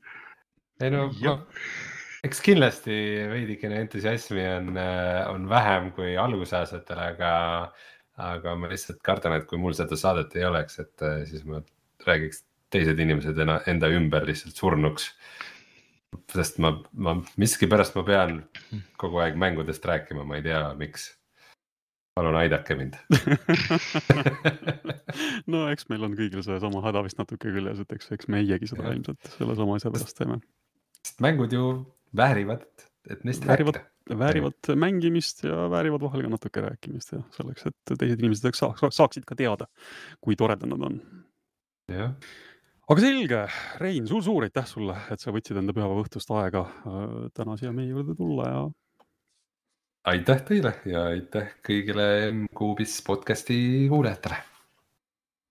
kui mäng välja tuleb, ehk kutsume su tagasi, kindlasti kutsume su tagasi, on ju? muidugi, võib-olla, võib-olla vajame millegi hetk mingeid testijaid ka. no, No no, Tarmo. sa tead küll, kuhu pöörduda. Tarmol on kindlasti juba käsi pikali ees ja ega ma prooviks ise ka hea meelega. aga. selge, suur aitäh taaskord ja ja suur-suur aitäh, tulid ja kohtume Okei. siis taas. ja mäletad, nägemist. tšau. nii, ja meie läheme edasi, vaatame, mida veel lubatakse lisaks Bootstrap Islandile äh, järgmisel aastal või natuke varemgi tulla. Näiteks Diablo nelja avatud beeta, neid fänne on meil siin kuulajate hulgas vist päris omajagu, tuleb juba järgmisel kuul. et tegelikult on siin suletud beetad eh, olnud eh, siin ja seal, aga nüüd saavad nagu ilma registreerimata kõike järgmisel nädal, järgmisel kuul mängida. ja Xboxile lubatakse Valheimi, kas see Playstationil juba on või, või tuleb või, või, või on ka lubatakse? Omar teab, ei tea kui teaks, küll oleks hea. Pole, pole õrna aimugi. no igal juhul Xbox saab nüüd märtsis Valheimi selle populaarse äh, ellujäämismängu, kus on vaja ehitama hakata. jah, Playstationi peal ei ole, see on praegu ainult arvuti ei ole veel jah. nii ja juunis rõõmustatakse meid äh, siukse mänguga nagu Layers of Fear, see on nõudlusmäng, eks ju, Tarmo teab mm. -hmm. kas, kas ju mitte kolmas osa, kui ma ei eksi, sellel. jah, jah. just, et, et see on täitsa, esimene osa oli täitsa äge, ma, ma ei tea, teist, teist ei ole mänginud küll üldse. Blueber tegi seda vist, eks Jah. kas ma, kas ma te- teist osa vist ei ole isegi mänginud, eks vaatab, jõuame sinnani. nii, mis meil veel on augustis, augustis lubatakse Lies of P, pole õrna aimugi Lais, see on äh, mas-, ma-, masomäng Pinokkioga ah,. Ehk Lies of P nagu aa, Pinokkio. see on see Pinocchio mäng, nüüd mul, nüüd mul tuleb meelde küll. kas seal ei olnud mingi teine kas seal ei olnud mingi teine nimi enne alguses? minu arust on kogu aeg Lies of P olnud, aga ma ei- võin eksida ka, parandage mind, kui ma eksin. see igal juhul tuleb augustis, tuleb Playstationile, tuleb arvutile, tuleb Xboxile, tuleb ka Gamepassi kohe esimesel päeval. ja siis äh, rõõmustatakse Tarmot meil siin Metroidvania Magical Delicacy? Magical Delicacy, delikatessidega. delikatessidega, deli-, noh, delikatessi sulle on ju vaja, onju, Metroidi delikatessi. see on, see on mingi kogumik nüüd või? ei, ei ole, see oli, on mingi, mingisugune äh, veider indie-rämps, üks Metroidvania stiilis, kus sa pead mingeid äh, keskaegseid äh, toi-, ma ei saagi öelda, ma ei saa öelda nüüd toiduaineid, aga keskaegseid koostisosi otsima kuskilt koobastikust. Metroidvania stiilis. just, et ma ei, kuna, kuna, kuna tuleb Gamepass, siis ma saan ära proovida. aga aga ma ei ole, vähemalt esimene treiler ei jätnud küll mind väga, ei andnud väga niisugust isu seda mängida. nii, mis meil veel on olemas, ah õige. Piraxis äh, sai oma Luis, selle, kes see nüüd seal tagasi kostab nii tugevasti? keegi puhub Äh, kuhugi sisse. Piraxis sai selle Marveli Midnight Sunsiga nüüd ühele poole ja hakkasid siis kinnitavad, et nad teevad nüüd uut Civilizationit. kuna viimane Civ välja tuli üldse? kaks tuhat viisteist, kaks tuhat viisteist, kuus oli, kuus oli, kaks tuhat viisteist ja kaks tuhat kuusteist. parandage mind, ma, ma töötasin kaks tuhat kuusteist ma töötasin sellel GameLabis ju. mm? -hmm, nii on. viis oli vist enam-vähem okei veel või? ma pean tunnistama, et minu ajalugu vist lõppes kuskil kolmega ja kolm, neli vist oli nagu viimane nagu, mis äh, pärast seda nagu oli nagu täiesti. Ma ei No tea, mina, ma ei, mul ei ole eri, eriti suuri lootusi sellele mängule, aga noh, no samas Firaxis äh, noh, kogemustega firma. saab näha. samas seal mingid, mingid mehed jooksid laiali Firaxisest just nii, et vaatame, kuidas need uued mängud tulevad, et täitsa tuleb uue, uue verega nii-öelda. äkki tuleb midagi hoopis uut. et sealt ju lahkusid, Firaxisest lahkusid mingi üle kahekümne aasta seal töötanud disainer ja siis endine stuudioboss ehk siis äh, Jake Solomon oli see disainer ja Steve Martin. pani ka nüüd peale seitseteist aastat pani sealt minekut just päeval, päeval arvut-, mõtlesingi, et kas siis see Midnight Suns fail'is nagu nii haledalt müügis, et äh, mehed pidid ameti maha panema või oli seal mingi niisama viskas kopa ette. no lähevad uusi väljakutseid otsima. no peale kahtekümmet kolm aastat ikka ei lähe uut väljakutset otsima. nii, mis meil veel on olemas? Genshin, mis see siis oli, Genshin, Genshin, mis asi ta oli? Genshin Impact. On mäng. Genshin Impacti arendaja teeb nüüd siis uut mängu, kosmosemängu, kosmosefantaasiamängu. millal see välja tuleb? jumal seda teab. kuule, neil on seal üldse mingi ports mänge tegemas, lubatakse. ah, nendel, nendel on see lihtne, nad viskavad hunniku vastu seina ja vaatavad, kas mõni jääb kinni või mitte seina külge nagu, väga lihtne ja No. sealt saab järje- järjekordse miljardi välja lüpsta lihtsalt. jah, no saab näha. ja vahepeal ilmus meil siis uue Tetrise treiler ka. aga mitte mängu, mitte mängu, filmi oma. kes ei teadnud, siis eh, ka Tetrisest tehakse filmi. Ootate põnevusega? oh ei. ei ootagi või? jah mis, mis, mis seal on, et E- E- L-klots kohtub T-klotsiga? ei, see on mingi, mingi, mingi spioon, spiooni, mingi spioonidraama on see. spioonidraama jah. Tetrise spioonidraama. sina, Omar, oled ka Tetrisega üles kasvanud, et no ei oota siis filmi oma. Täp- ma ei ole nüüd liiga suur Tetrise fänn jah. see on siis nagu ikkagi mäng, mis räägib Tetrise tegemisest, mitte, mitte selline, mis meil olid need. see räägib, see räägib sellest, kuidas ameeriklased avastasid Tetrise Venemaa saatkonna prügikassi tagant. aga et ta, ta, ta räägib äh, vaprast ameeriklasest, peaosas on Taron Egerton siis Kingsmanist, kes riskib oma eluga, et KG, KGB üle kavaldada ja Tetrisest ülemaailmne sensatsioon teha ja Apple kirjeldab filmi kui külma sõja aegset trillerit steroidide peal. hmm. Omar, sa ka tagasi meil. ühes, ühes, ühe sõnaga niimoodi. et ütlengi spiooni, spioonidraama.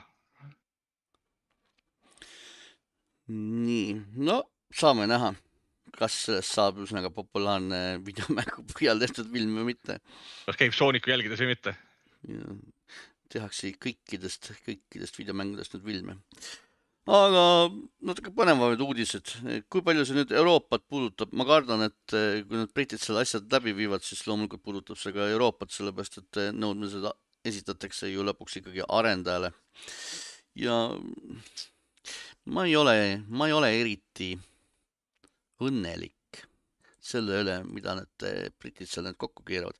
selle asemel, et nüüd eh, lootbox idega tegeleda, otsustasid nad eh, mõni aeg tagasi, et lapsi kaitsma hakata. et, et, et nendega lootbox idega ei ole vaja tegeleda, las ettevõtted ise reguleerivad eh, neid lootbox'e seal, eks. ja selle asemel ühesõnaga äh, hakkavad ikkagi ettekirjutuse tegema ettevõttele teistes valdkondades, et eh, lapsi kaitsta, et, et peab olema, kontrollima videomängudes eh, laste vanust, et eh, mängijate vanust siis, eks ju. ma vaatasin, ma võtsin kahe käega peast kinni ja see on, teate, käige sinnasamusesse no karvasesse. see peaks olema teoorias nagu vanemate asi muretseda, eks ju, et nende Jah. lapsed mängiksid äh, neid asju, mida lapsed peaksid mängima. aga noh, me jõuame jälle otsaga sinna tagasi, kuidas äh, meil siin vanemad lähevad poodi ja ostavad lastele selle GTA, sest noh, seitsmeaastane tahtis seda saada, eks. aga no ma ei tea, kas need kontrollid, selle kontrollidega teate, mis mulle meelde tuleb? vanemad inimesed võib-olla mäletavad sihuke mäng nagu Leisure Suit Larry siis selle esimese osa ees oli selline viktoriin, kus sa pidid vastama küsimustele inglise keeles, millega siis tehti sinu vanus kindlaks, et seal küsiti, ma ei tea, a la, et kes oli neljas Piiter ja umbes selliseid asju. et, et kunagi ammu jah, ma mäletan, et see oli ikka suur, suur probleem, kuidas sinna Larry mängu sisse saada, et nendele viiele küsimusele pihta saada. et ma ei tea, kas oleks aeg midagi sellist tagasi tuua siis. no praegu britid tahavad teha enam-vähem rakendada seda süsteemi, mis hiinlased on rakendanud. Tahavad ka äh, kontrolli saada selle mänguturu üle ja mängude üle. mul tuleb selle, mul tuleb see vanuse kontrollimisega meelde, siin alles mõne, mõne, mõned kuud tagasi Epic Games tegi oma mängudes sellise ägeda triki ära, et ta põhimõtteliselt küsis kõikidelt mängijatelt uuesti nende vanust. minult ju küsid. et sa pidid mängu, mängu sisenedes eh, sisestama uuesti enda sünnipäeva, ükskõik mis konto sul oli. Ja noh, minu laps ausalt, kes mängib minu kontoga, eks ole, nagu sisestas enda sünnipäeva, noh, kuna mäng küsis seda ju, eks ole. oi, oi, oi, oi, oi, oi, ja, oi, oi, oi., ja Epic tegi minu kontost automaatselt lastekonto, kus olid ära võetud igasugused õigused kellegiga suhelda, kedagi oma sõbraks lisada, midagi üldse teha ja seda tehti täiesti ilma minu käest üle küsimata. Ja suurem, automaatselt põmaki. no, suuremat tase mänge sinna mängida ei saa, eks ju, kõiki neid ta- tasuta asju, mida sa kokku oled kraapinud ei no mängida ma sain, aga ma ütlen, aga ma ei saa näiteks ma ei saa näiteks kellegiga partisse minna. et näiteks ütleme, mul poi- poiss mängib, eks ole, Rocket League'i ja ta päris tihti läheb seal noh, lihtsalt siia part japib kellegiga ja ta teeb nagu tiimi ja mängivad mitu mängu järjest onju. ja seda enam teha ei saanud, aga mõnes sa- mõttes on aga sest sa oled liiga, noor, sest sa oled liiga noor. aga mõnes mõttes sa oled praegu õigusega karistatud. ma olen sulle miljon korda öelnud, tee lapsel poisile oma konto. Siis ma, ma kirjutasin Epicusse, küsisin ausalt, et tere, et mul on see konto juba a la kuradi aastaid olnud. mida kuradit te seal korraldate? no aga ise sa ju kirjutasid, et sa oled tegelikult laps. kõik on aus, kõik on aus. no muidugi oli, ei aga nad said aru, et jah, tõesti laps mängib ja parandasin mu konto ära lõpuks. küll ma olen nendega mitu päeva seal kakelnud.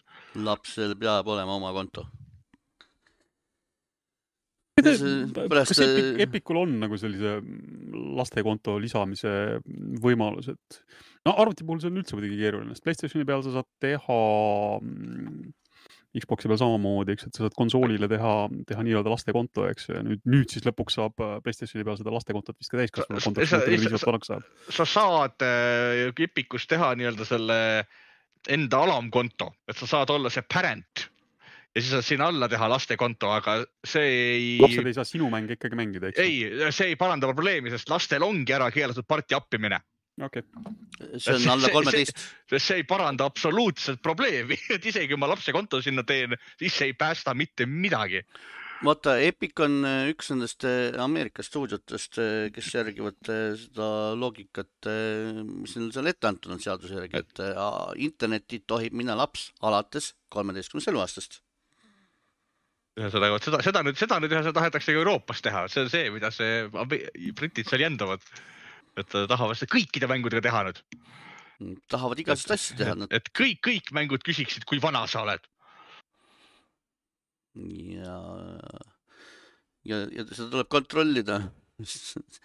sisestada oma dokumendi numbreid ja värgid, nii särgid, ja. kuule, aga liigume eks edasi, jah.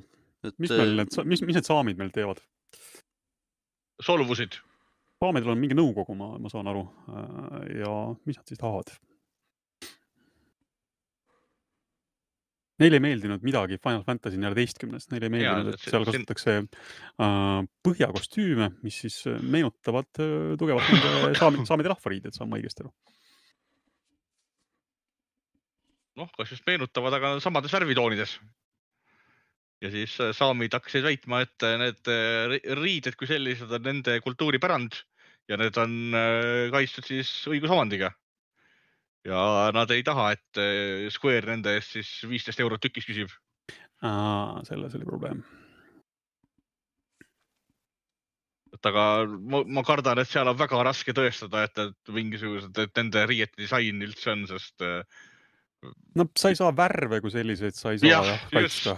sa ei saa värve kaitsta jah, sest kostüüm ise jah, noh, siin uudises on üks, üks sellise toreda mitmeharulise mütsiga mees on meil siin pildi peal, et noh, seda, seda kostüümi see tõesti nad ei meenuta, et jah, siin on sellised värvitoonid on samad ja sellised rahvusmustrites kirjad, aga, aga, aga noh, ta ei ole ikkagi päris et Rahvus- no rahvusmustrid- keegi saab, peab ju jahvatama selle välja mõtlema. jah, et eks see, sinimustvalged kostüümid on kõik Eesti omad. jah, täpselt nii lihtne see ongi. ai, ai, ai, Playstation peab, peab hakkama kohe Eesti, Eestile pappi maksma, Mm -hmm. sest eh, Playstation teeb pidevalt oma sinimustvalgeid eh, särke. nii, aga Tarmo, see kauaoodatud Wild Hearts eh, olevat olnud rämps, Tarmo mängis meil seda mä, mä, mä, mängisin ja saatsin ka pikalt. Kaua aastaid pidasid? nii palju, kui see demos lubati või seal selles proovis. minutit. tundi, ei kümmet tundi täis ei saanud, see on kümnetunnine see prooviaeg on, aga selle aja jooksul sa ei saa eh, nii-öelda külast või sealt eh, algusalast edasi minna põhimõtteliselt. oota, aga kas mäng, keegi mäng, mäng paneb sul ühel hetkel värava lihtsalt ette, ütleb siit edasi ei lähe. Ja aga EA Play ei olegi kunagi sul mitte midagi muud lubanud, kümme tundi on. Kümme tundi küll, aga- aga, aga no sa eeldad ikkagi seda, et sa saad kümme tundi siis päriselt nagu mängida, eks, et see ei ole päris see, et nad sul jah. ikkagi piiravad sind kuhugi ära, eks. et sa võiksid siis ikkagi saada kümme tundi progressi nii kaugele, kui sa siis selle ajaga jõuad. ei, see on kõikide nende mängudega palju, palju seal mängus seda reaalset sisu siis tegelikult on, eks ju, et sind kümnest tunnist. et kas, kas nad kardavad, et mõni jookseb kümne tunniga läbi sealt või? Aga ühes, aga ühesõnaga see mäng ise oli, noh, mina mängisin arvuti peal, oli arvutil kohutavalt äh, toores ja katki. nii et, et see vajab äh, ilmselgelt parandamist ja nüüd siis äh, Omega Force lubas jah, et selle asemel, et me nüüd seda DLC-d ja asju hakkame tegema, hakkame seda mängu ära parandama ja see meenutab nüüd siis CyberPunki vaikselt omaette. ei, ei, ei, Anthemi, Anthemi. no seda ka, mõlemat, et kus tegeletakse mängu edasiarendamise asemel selle lappimisega. ja me teame, talle kuul kuklasse lastakse., me teame, mis juhtus Mm. Anthemiga. Anthem oli muidugi hea mäng, Tarmo vaidleb küll vastu, aga Anthem oli hea mäng, aga see läks selle nahka, et eh, kuna sul olid mingid, siin oli bugi, siin oli bugi, siin oli bugi, mida oli vaja parandada, siis visati kõik eh, see aastane plaan visati prügikasti, hakati tegelema parandamisega ja siis nad parandasid sinna bugisid, mida oli vaja omakorda parandada ja no siis nii, nad aga me, me tõesti äkki ei räägi rohkem Anthemist, me oleme panid- temast rääkinud panid-. Panid selle asja ühesõnaga aasta hiljem ühesõnaga kinni ära.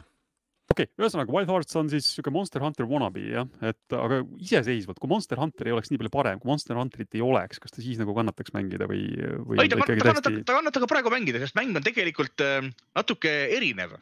et äh, see Wild Hearts äh, keskendub pigem sellisele, ma ei saa öelda nüüd ähm, Fortnite'ilikule ehitamisele, aga siukestele viguritele selles mõttes.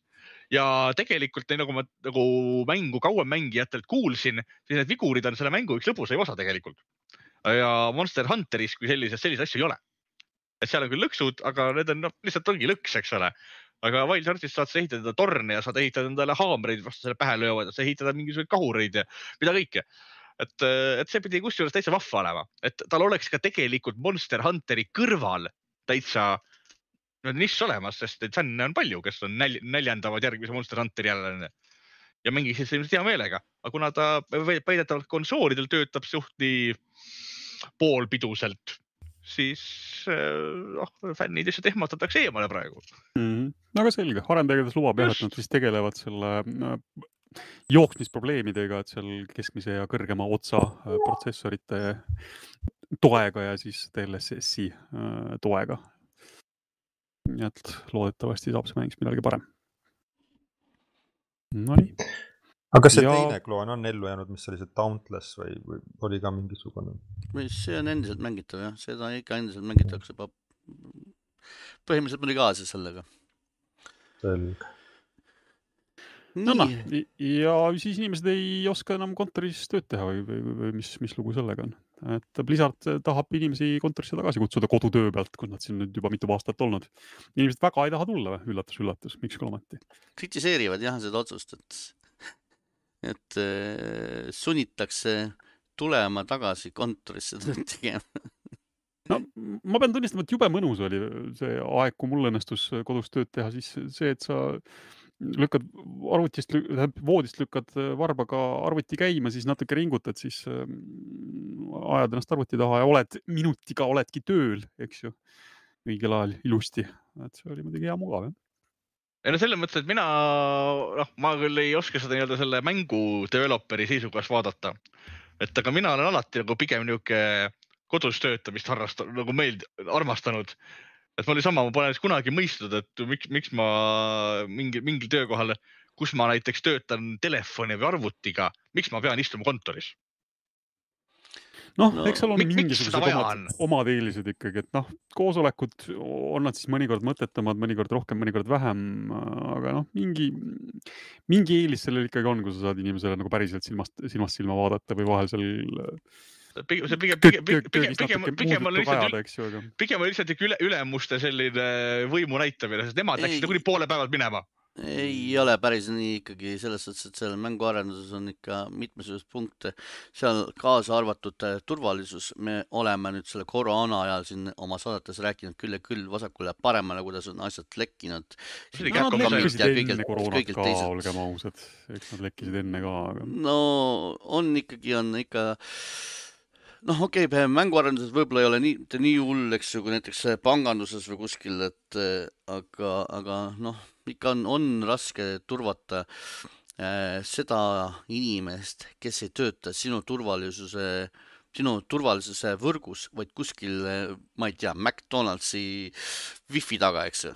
Võtab oma laptopi sinna kaasa ja mõtleb, et ta teeb oma tööpäeva seal, eks no vabandust, selles suhtes kõige nõrgem lüli on alati kasutaja ja kui see kasutaja ei ole sinu kontrolli all, see töötaja, siis varem või hiljem saad sa sealt äh, valusalt vastu näppe. ja rääkimata siis veel äh, loomulikult äh, nendest häälnäitlejatest ja no see on nüüd ka nii ja naa, et vähegi edukamatel häälnäitlejatel on kodus see heliboks olemas, sest sest noh, selle, selle sisustamine ei ole tänapäeval midagi nüüd üle mõistuse keerulist, eks, aga noh, eks seal natuke ikkagi see režii küsimus tekib jah, et et režissööril on võib-olla jah, tõesti lihtsam, lihtsam töötada, kui, kui inimesed on konkreetses stuudios ikkagi. no olgu, on siis, kuidas on, Plidat siis ikkagi tahab rahvakontorisse tagasi ajada, inimestele see väga ei meeldi, aga noh, ega neil tõenäoliselt pääsu ka ei ole, kui nad endale just teist tööd otsida ei taha. Nonii, saade kisub tasapisi pikale, et vaatame veel üle, mis meil siin, mida meil siin tasuta antakse. vana hea Epiku pood, sealt vaatab meile vastu selline tore väike strateegiamäng nagu War Pips. nii et kellele strateegiamängud huvi pakuvad, täiesti tasuta saab, minge võtke ära. ja Eeriku suur lemmik Marveli Midnight Suns saab, või õigemini juba sai siis kolmetunnise prooviversiooni, nii et saate omal nahal ära proovida. kaugele kolme tunniga jõuab, Erik? Kas on päriselt hea. kas kolme tunniga nagu mänguni jõuab või on pigem ainult tutorial mm,? pigem ikka sissejuhatus jah. aga selge, olgu. räägime mängudest, ma räägin hästi kiiresti enda kaks asja ära, natuke näperdasin sellist uh, puslemängu, sõna otseses mõttes puslemängu nagu Glass Masquerade uh,, mis oli siin soodushinnaga saadaval Mm, mul oli vaja, ütlen päris ausalt, trofee Foorumi ja ühe ürituse jaoks oli vaja riikidega trofeesid, seal oli neid arvukalt saada. kolme euroga oli ta soodushinnaga saadaval, paned seal erinevate riikide teemalisi puslesid kokku mõnus selline rahulik, rahulik mängukene, nii et kellele selline asi istub, siis, siis pigem soovitan saate taustaks, ta meil jookseb, saate vaadata, mismoodi ta välja näeb siis Youtube'is. jooks, jooksis enam ei jookse läbi. enam ei jookse, nonii. ja teise asjana proovisin Far Cry Vietnami DLC nimega Hours of Darkness, mis äh, ei olnud ka üldsegi tegelikult nii halb, kui ma kartsin, see oli täitsa nagu Far Cry selline hea mõnus lühike amps jälle, et jooksed põhimõtteliselt poole tunniga vist umbes on ta võimalik läbi joosta, kui sa seal põhjalikumalt äh, asju teed, siis mingi sihuke kolm-neli-viis tundi. natuke nikerdamist, aga noh, ei olnud ka üldse mitte halb. Nonii, aga teie olete palju põnevamaid asju mänginud. Kristjan, Kristjan on meil mm. mänginud uus, uut kraami. Äh, ühest sellest on ka arvustus väljas, et äh, on. tahad sa siia arvustuse juurde midagi lisada? No eks ma võin ikka rääkida sellest mängust jah, Wanted Call on Dead. et see tekitas minus väga huvitavaid emotsioone. tegu on siis siukse Jaapani jaburusega, veidrusega, selles noh, nii heas kui halvas, kuidas kellelegi meeldib. juba kõlab hästi. jah, alguses ma ei olnud sellest teadlik ja siis pärast esimest mänguõhtut ma mäng, mäletan, et ma nagu väga kirusin seda mängu, et mis kuradi ma jama otsa ma nüüd sattunud olen ootasid midagi tõsist? jah, ei osanud oodata sihukest mängu.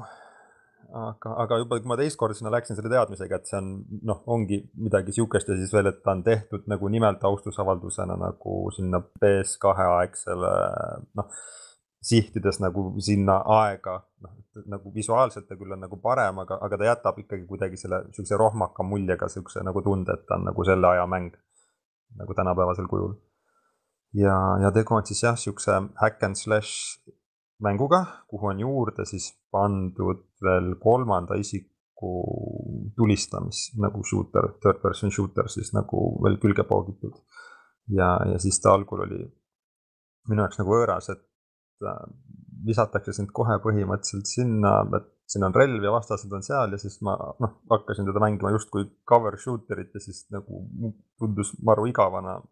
et noh tahtsid nagu läheneda siis nagu targasti, aga tegelikult mäng eeldab ikkagi seda, et sa jooksed sinna katana ees peale ja siis suva, et vastastel on automaadid ja lähed nüpeldad neid sedasi ja siis, kui ma sedasi seda mängima hakkasin, siis läks see täitsa lõbusaks. Ja siis need minimängud, mis nagu vahele tulid sinna, et need olid ka täitsa siuksed jaburad, et said seal raaberi nuudleid süüa siis selles, ütleme õigel ajal nuppu vajutades, ma ei tea, kuidas eesti keeles öelda seda žanrit, aga sihuke nagu mitte päris kitarhiire, jah, Mida- midagi siukest. vaatamängide poisid tõ- tõid sellise toreda eestikeelse termini eh, quick time event'i kohta. jah, ja siis seal mingi hetk tuli juba kaks rida neid erinevaid klahve ja siis näpud läksid väga ruttu sõlme, et nagu jah, see on ikka sihuke väga kiiretele nobenäppudele mõeldud mäng. et aga, aga üldiselt see mäng ise oli täitsa lahe lõpuks, noh, selles mõttes, et ta ongi sihuke hüplik, jabur, sihuke ninja Gaidenilikult siis raske. Et, et lõpuks tunduski niimoodi, et nagu mõõgaga vastased teevad sulle oluliselt rohkem kahju kui relvaga, et siis vist oligi nagu mõeldud sedasi, et noh, et see rel-, relvateema, et sa lihtsalt jooksed neile kas mõõgaga ligi või midagi, et noh, oli kohti, kus pidid relvaga lähenema, aga ega see relvavärk nagu mulle väga ei istunud, et ta oleks võinud seal ka mitte olla selles mängus, natuke sai neid modifitseerida oma relvasid, sul on nagu automaat, käsipüstol, käsipüstol on põhimõtteliselt siis see, et kui vastase löök läheb punaseks, et siis nagu vajutades oli vist kolmnurk äkki või sa saad selle nagu ära lõpetada, tema rünnaku, et see on sihuke noh, pärrilaadne asi või, või, või sihuke nagu, et, et otseselt nagu punane on siis nagu blokkimatu, et seda pididki siis käsirelvaga tulistades lõpetama seda vastase rünnaku. Mhm. ja Ma, ja siis siin- niimoodi kahe nupu vahel klõpsid ja no, tore, kui selgeks said asja, et siis oli nagu jah, aga sa tahtsid midagi küsida? Nad reklaamivad iseennast, et, et mängu on loonud Ninja Gaideni ja Dead or Alive'i tegijad. Ninja Gaideni seeriat minu teada tegid Tecmo ja Team Ninja, et siit ma loen välja sellise arendaja nagu Soleil eh, Limited, Mhm. et on sul aimu ka, et kes seal on siis äh, inimesed, kes on Team Ninjast kunagi ära põgenenud või, või on nad, on nad siis reaalselt kuidagi seotud ka omavahel? täitsa võimalik, et seal võisid olla jah, mingisugused noh, tähtsamad ninad, kes siis on äkki oma pundi kokku pannud, et ma nagu nii süvitsi ei läinud, et neid nimede järgi tuvastama hakata mm. Mhm. aga, aga seal on ka teine variant, et võib-olla nad tegid mingisugust äkki alltöövõttu või, või midagi nagu mingis osas, et, et noh, emba-kumba viisi, aga, aga, aga selles mõttes, et see feel on midagi sarnast küll. ega seal Ninja Gaidenis vist tulid ka lõpus mingisuguste rakettidega juba vastased, et nagu, et, et ei olnudki nagu puhtalt ainult mõõg- mõõga vastu, et ma olen ühte Ninja Gaidenit kunagi mänginud, aga see oli Vita peal, see oli aastal Viiking, nii et ega ma teda ausalt öeldes Ei, pigem- liiga hästi ei pigem, mäleta. pigem, pigem on seal asi selles, et Sol- Soleili tegevjuht Takayuki Kikuchi oli omal ajal äh, Team Ninjas okei, ja töötas Dead or Alive neljas ja Ninja Gaiden ühe ja kahega. ta oli kusjuures Ninja Gaiden kahe produtsent täitsa. okei okay,, noh siis sealt on selle saanud. Jah. just. et, et, et oma selle Soleiliga on nad jah teinud äh, pigem niisuguseid, nagu ma enda Nänni avamisvideos nimetasin, niisuguseid B-taseme mänge nagu Naruto Shinobi Striker ja Samurai Jacki see Battle Through Time ja Devil's Third Wii U peal ja et, et nad ei ole jah niisuguseid kuulsaid projekte nii-öelda ette võtnud oma satsiga, et loodetavasti nüüd siis Wanted Dead saab äkki kuulsaks. Mm, ta saab kindlasti nagu siukses nagu niši seltskonnas jah, nagu kuulsaks, et, et see on, aga, aga samas, kui sa nagu ei kuulu sinna, siis ega see mäng kindlasti ei ole nüüd nagu siuksele pühapäevamängurile, et noh, võtaks mingi uue mängu ja siis, ja siis see just peaks nüüd olema, et ta on mm., ta on Mm. ikkagi sihuke piisavalt jabur. sihuke lugu on jah, noh, tegelased on oma mingite kiiksudega, et see sama tädi, keda Tarmo tahtis, et ma tutvustaks, kokatädi, et ta on olnud endine olümpiavõitja, endine telekokk ja nüüd on järsku siis Hongkongi politsei relvaspetsialist, et noh, ma ei No. tea. nuge oskab kasutada ju vaatasid ta laskesuusataja ka või midagi, eks ole, või sportlaskja või midagi, et saab hakkama ju, et ühe, ühe, ühe töö peal hakkis, teise töö peal tulistas, järelikult saab katana ja automaadi endale, lihtne ju. ja ma ütleks, et kvalifitseeritud ju. Mhm. aga kellele, kas sa soovitaksid seda või kellele sa seda soovitaksid? no, no kindlasti. anime fännidele, kellele, mina ka mina ütleks, et jumal küll, poogitud, anime jah. fännid, let's go nagu. Mhm. sest seal mingid vahevideod olid anime stiilis päris nagu isegi lahedalt tehtud või, või kuidagi jah, et seal oli neid nagu. terve see mäng on anime stiilis üldse selles mõttes, kõik see hakkimine ja nagu see et vere, verejoad ja see on, see on täiesti Jaap-, kui armastate Jaapani animesid, siis märul animesid, jumal küll, õkva. treilerist saab tegelikult päris hea aimduse, mis ta nagu on või noh, tahab olla, et, et, et selles mõttes ni- inimene, kui ta natukenegi huvi tunneb, et see treiler ära vaadata, et siis peaks saama siukse hea ülevaate, aga kui sa oled sihuke retrohuviline ja Hack and Slash sulle kunagi väga meeldis, et siis minule ta noh, mul PlayStation kahte ei olnud toona, aga, aga sihukest viiaega tuletas küll kohati meelde siukse robustsuse või mingisuguste asjadega. okei, sest jah, seda arvamust ma kuulsin kuskilt teist podcast'ist ka, et see tulistamise pool pidi olema kehv, aga, aga häkkimine pidi iseenesest olema. hakkimine pidi olema täitsa lõbus uh,. Väga verine on, et Yakuza seeria mängu kunagi mänginud, kuidas äh, kogu see hull- hullus on, on midagi umbes selles stiilis või? ei ole mänginud, okei okay,, selge. Et seepärast ta võib-olla oligi kohati mulle natukene sihuke üllatav oma selle olemusega. esimene, esimene kokkupuude võib olla mõnikord jah natuke huvitav, aga see, mm. -hmm. kui hakkab meeldima, siis, siis hakkabki meeldima. aga sa oled meil ühte teist mängu ka mänginud, päris värsket, samamoodi värsket mängu tuli välja eelmisel nädalal, ei, sel nädalal, onju. Äh, seda see- väljatulemist on tal olnud nagu vist digitaalselt ühel ajal ja nii-öelda karbis tuleb ta vist veel alles see nädal. paari päeva. pärast või?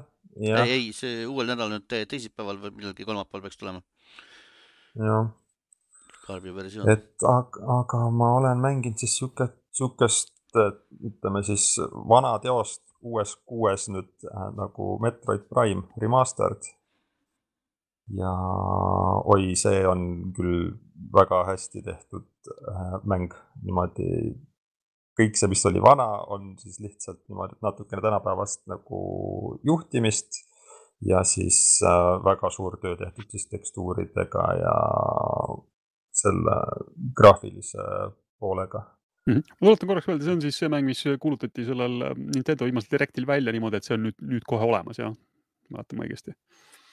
Ja siis ta oligi olemas. kuidagi tuli mulle ootamatult jah, jah. il, il, ilm, ilmus Directi päeval ja nüüd siis ülehomme PlayStation PlayStation VR kahega samal päeval peaks ilmus ka selle füüsiline versioon. noh, seal oli selge, et nad hoidsid teda saladuses, et ei saanud, ei saanud koopiaid veel poodi välja saata, sest muidu see oleks lekkinud, nii et koliseb.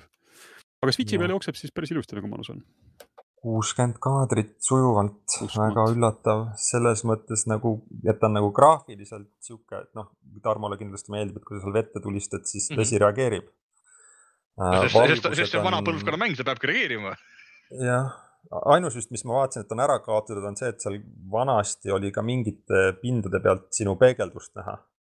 võlts, Et- et võltspeegeldused seda- oma vanasti jah. jah, et, et seda nüüd ei ole, aga, aga kõik see, kui vihsu sinna visiirile või siis sellele relva käele sajab, et see kõik on seal nagu ilusti reageerib, noh, tossu saad näkku, siis see nagu noh, kõik on pandud nagu väga mõnusalt sinna nagu sisse. et ja, ja kuidagi jah, et noh, ma ei ole Metroid Prime'i kunagi varem mänginud ja see on nagu üllatav, et kakskümmend aastat tagasi juba tehti midagi, mis siis ka tänapäeval uues kuues nüüd nii hea on. et, et, et selles mõttes küll jättis nagu suu lahti see elamus heas mõttes. et, et, et noh, Metroidvania nagu Metroidid ikka on, esimeses isikus tulistamine oli natuke lihtsamaks tehtud tänu sellele, et saad seal lock-on'i kasutada, et sihik jääb vastasele, siis saad seal ringi hüpata. noh, 3D maailmas, et, et muidu oleks võib-olla natuke keerulisem vastasele täpselt pihta saada ja siis hüpata. näpud mul läksid veits sõlme sellega, et see tulistamisnupp vist on näonupul ja kui ma kiiresti tahan klõbistada, noh mängisin handheld'i peal ehk siis nagu light'il nii-öelda siis mitte dokituna pole kahjuks sihukest võimalust ja, ja siis nagu kiire tulistamine oli mul seal näonupu all nagu mul olen harjunud nagu niimoodi kiiremini nagu võimalik nuppu vajutada kui selle päästiku näpuga. Ja aga siis samas, kui tahad nagu lock on ida, siis seda võimsamat lasku lasta, et siis jällegi ja ringi hüpata, siis noh, lihtsalt nagu kahte kõrvuti olevat näonuppu on natuke keeruline vajutada pöidlaga samal ajal, et siis pidi kasutama, et vahepeal tulistas ühtemoodi, vahepeal teistmoodi ja siis kõrvuti olevaid on minu arust okei okay vajutada, risti läheb vähe, keerulisemaks, aga noh, aga, aga jah, et, et, et see oli kuidagi, aga no ma ütlen, et seal sai, et sai siis päästikunuppu ja siis, aga see olid mingid üksikud kohad, kus ma tundsin, et seda vajadust on nagu vaja. ah, ütle ausalt Aga- välja, et äh, nupud on valesti paigutatud, kuna sa just lõpetasid PlayStation viie peal mängimise ära, siis nõutakse seal äh, nuppude vajutamist vales kohas. ei, ei ole nii Ei hull ole, nii hull see on nagu ma ütlen, ma saan nagu väga pisikeste asjade kallal norida, et, et selles mõttes nagu tõesti suurepäraselt tehtud nagu remaster. noh, mäng ise noh, on jah, selles mõttes, et ta ei ole nagu nii tänapäeval, et siin nagu ei ninnu-nennutada seal väga, et maailm on sulle siis antud, satud võõrale siis planeedile ja siis pead ise hakkama uurima skaneerides et, et ei ole mingit häält, kes sulle nüüd jutustab, et mine sinna või tee seda või, või midagi, et siis seal vaikselt avastadki vastaseid skännides, saad siis teada nagu nende nõrkuseid. Saad omale siis neid uusi võimeid või noh, kas uus on just õige öelda, aga sihuke, sest noh, sa jääd neist ilma jälle teatud põhjustel ja siis pead neid nii-öelda tagasi saama, võib-olla mõni on uus ka, ma ei, ma ei mäleta, kui palju neid algul seal lahti oli et, et ja siis on need uksed, mis siis tuleb meelde jätta, et oot-oot-oot, seal vist oli see mingi koht, kuhu nüüd ma peaksin äkki saama ja siis jooksed seal edasi-tagasi ja. ja kui peaksid surma saama, siis jätkad sealt, kus viimasti salvestatud oli ja ka kõik skännid ja kõik muud väärtuslikud asjad peab otsast peale tegema.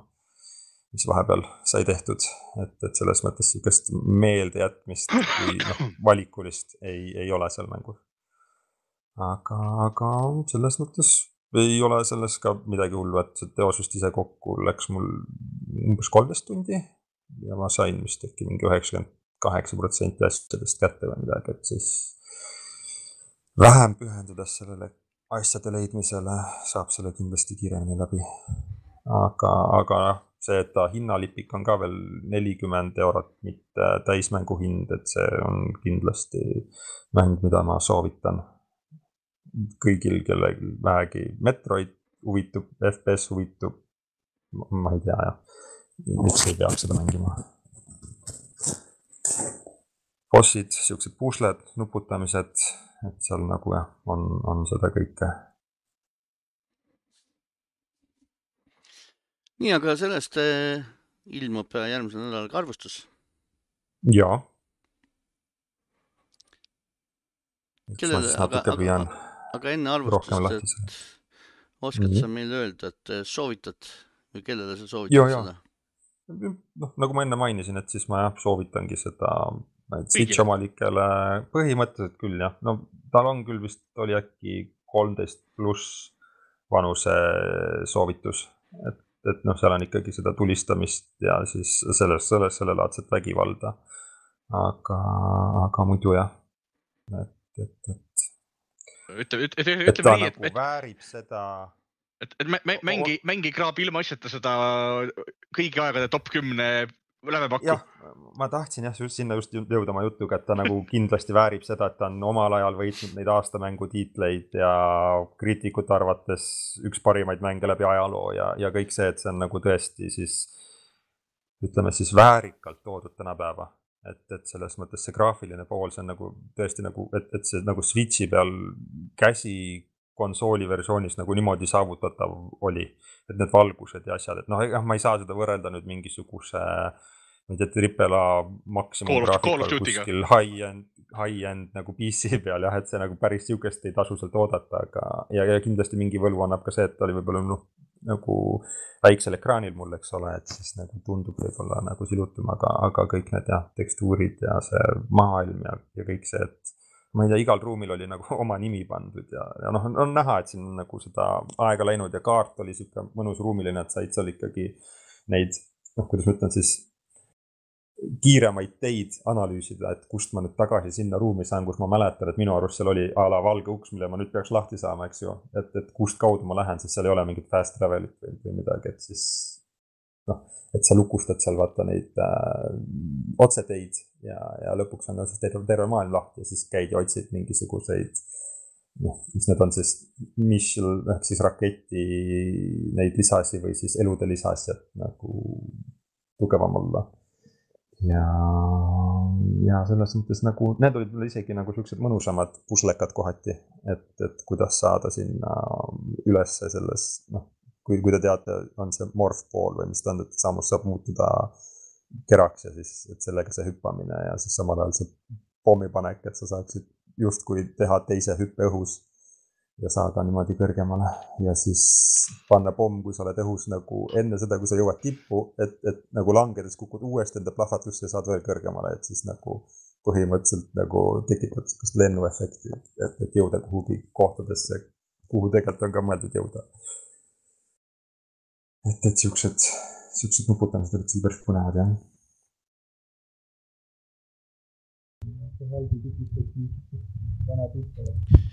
nii. No, aga ma arvan, et sellega saabki siis see tänane saatele joone ei ma, tõmmata ma räägin, ma räägin hommikust kõik enne. mängida. jaa, mina, Wild Heartsist või?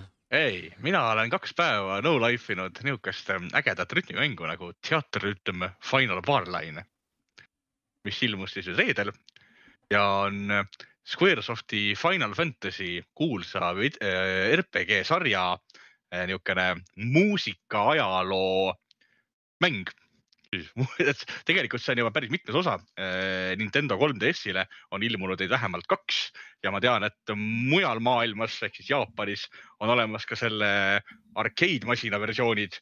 Nii et äh, tegu on tegelikult juba päris mitmete versioonidega, aga kuna hetkel vist on siis Final Fantasy mängusarja kolmekümne viies aastapäev ja noh, niisugune juubeliaasta või noh, sünni, sünnipäeva aasta juubeliks siis nimetada siis äh, Square on välja lastud siis põhimõtteliselt kõikide Final Fantasy mängude muusikat kokku võttu kogumiku, kus te saate nuppe vajutada, kange liigutada kolmesaja kaheksakümne viie laulu saatel ähm,.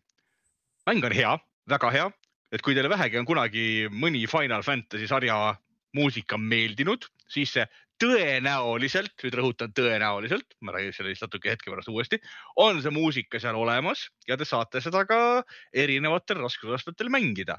hea on see, et kui vastu, kui hakkavad need nii-öelda nupuvajutuse ähm, äh, elemendid siis ekraani peal jooksma, kas siis vasakult paremale, ülevalt alla, olenevalt teie valitud muusikapalast, siis äh, raskusast-, raskusastet muutes äh, on neid kas rohkem või vähem, aga raskusaste otseselt mängu läbimist kui sellist ei mõjuta.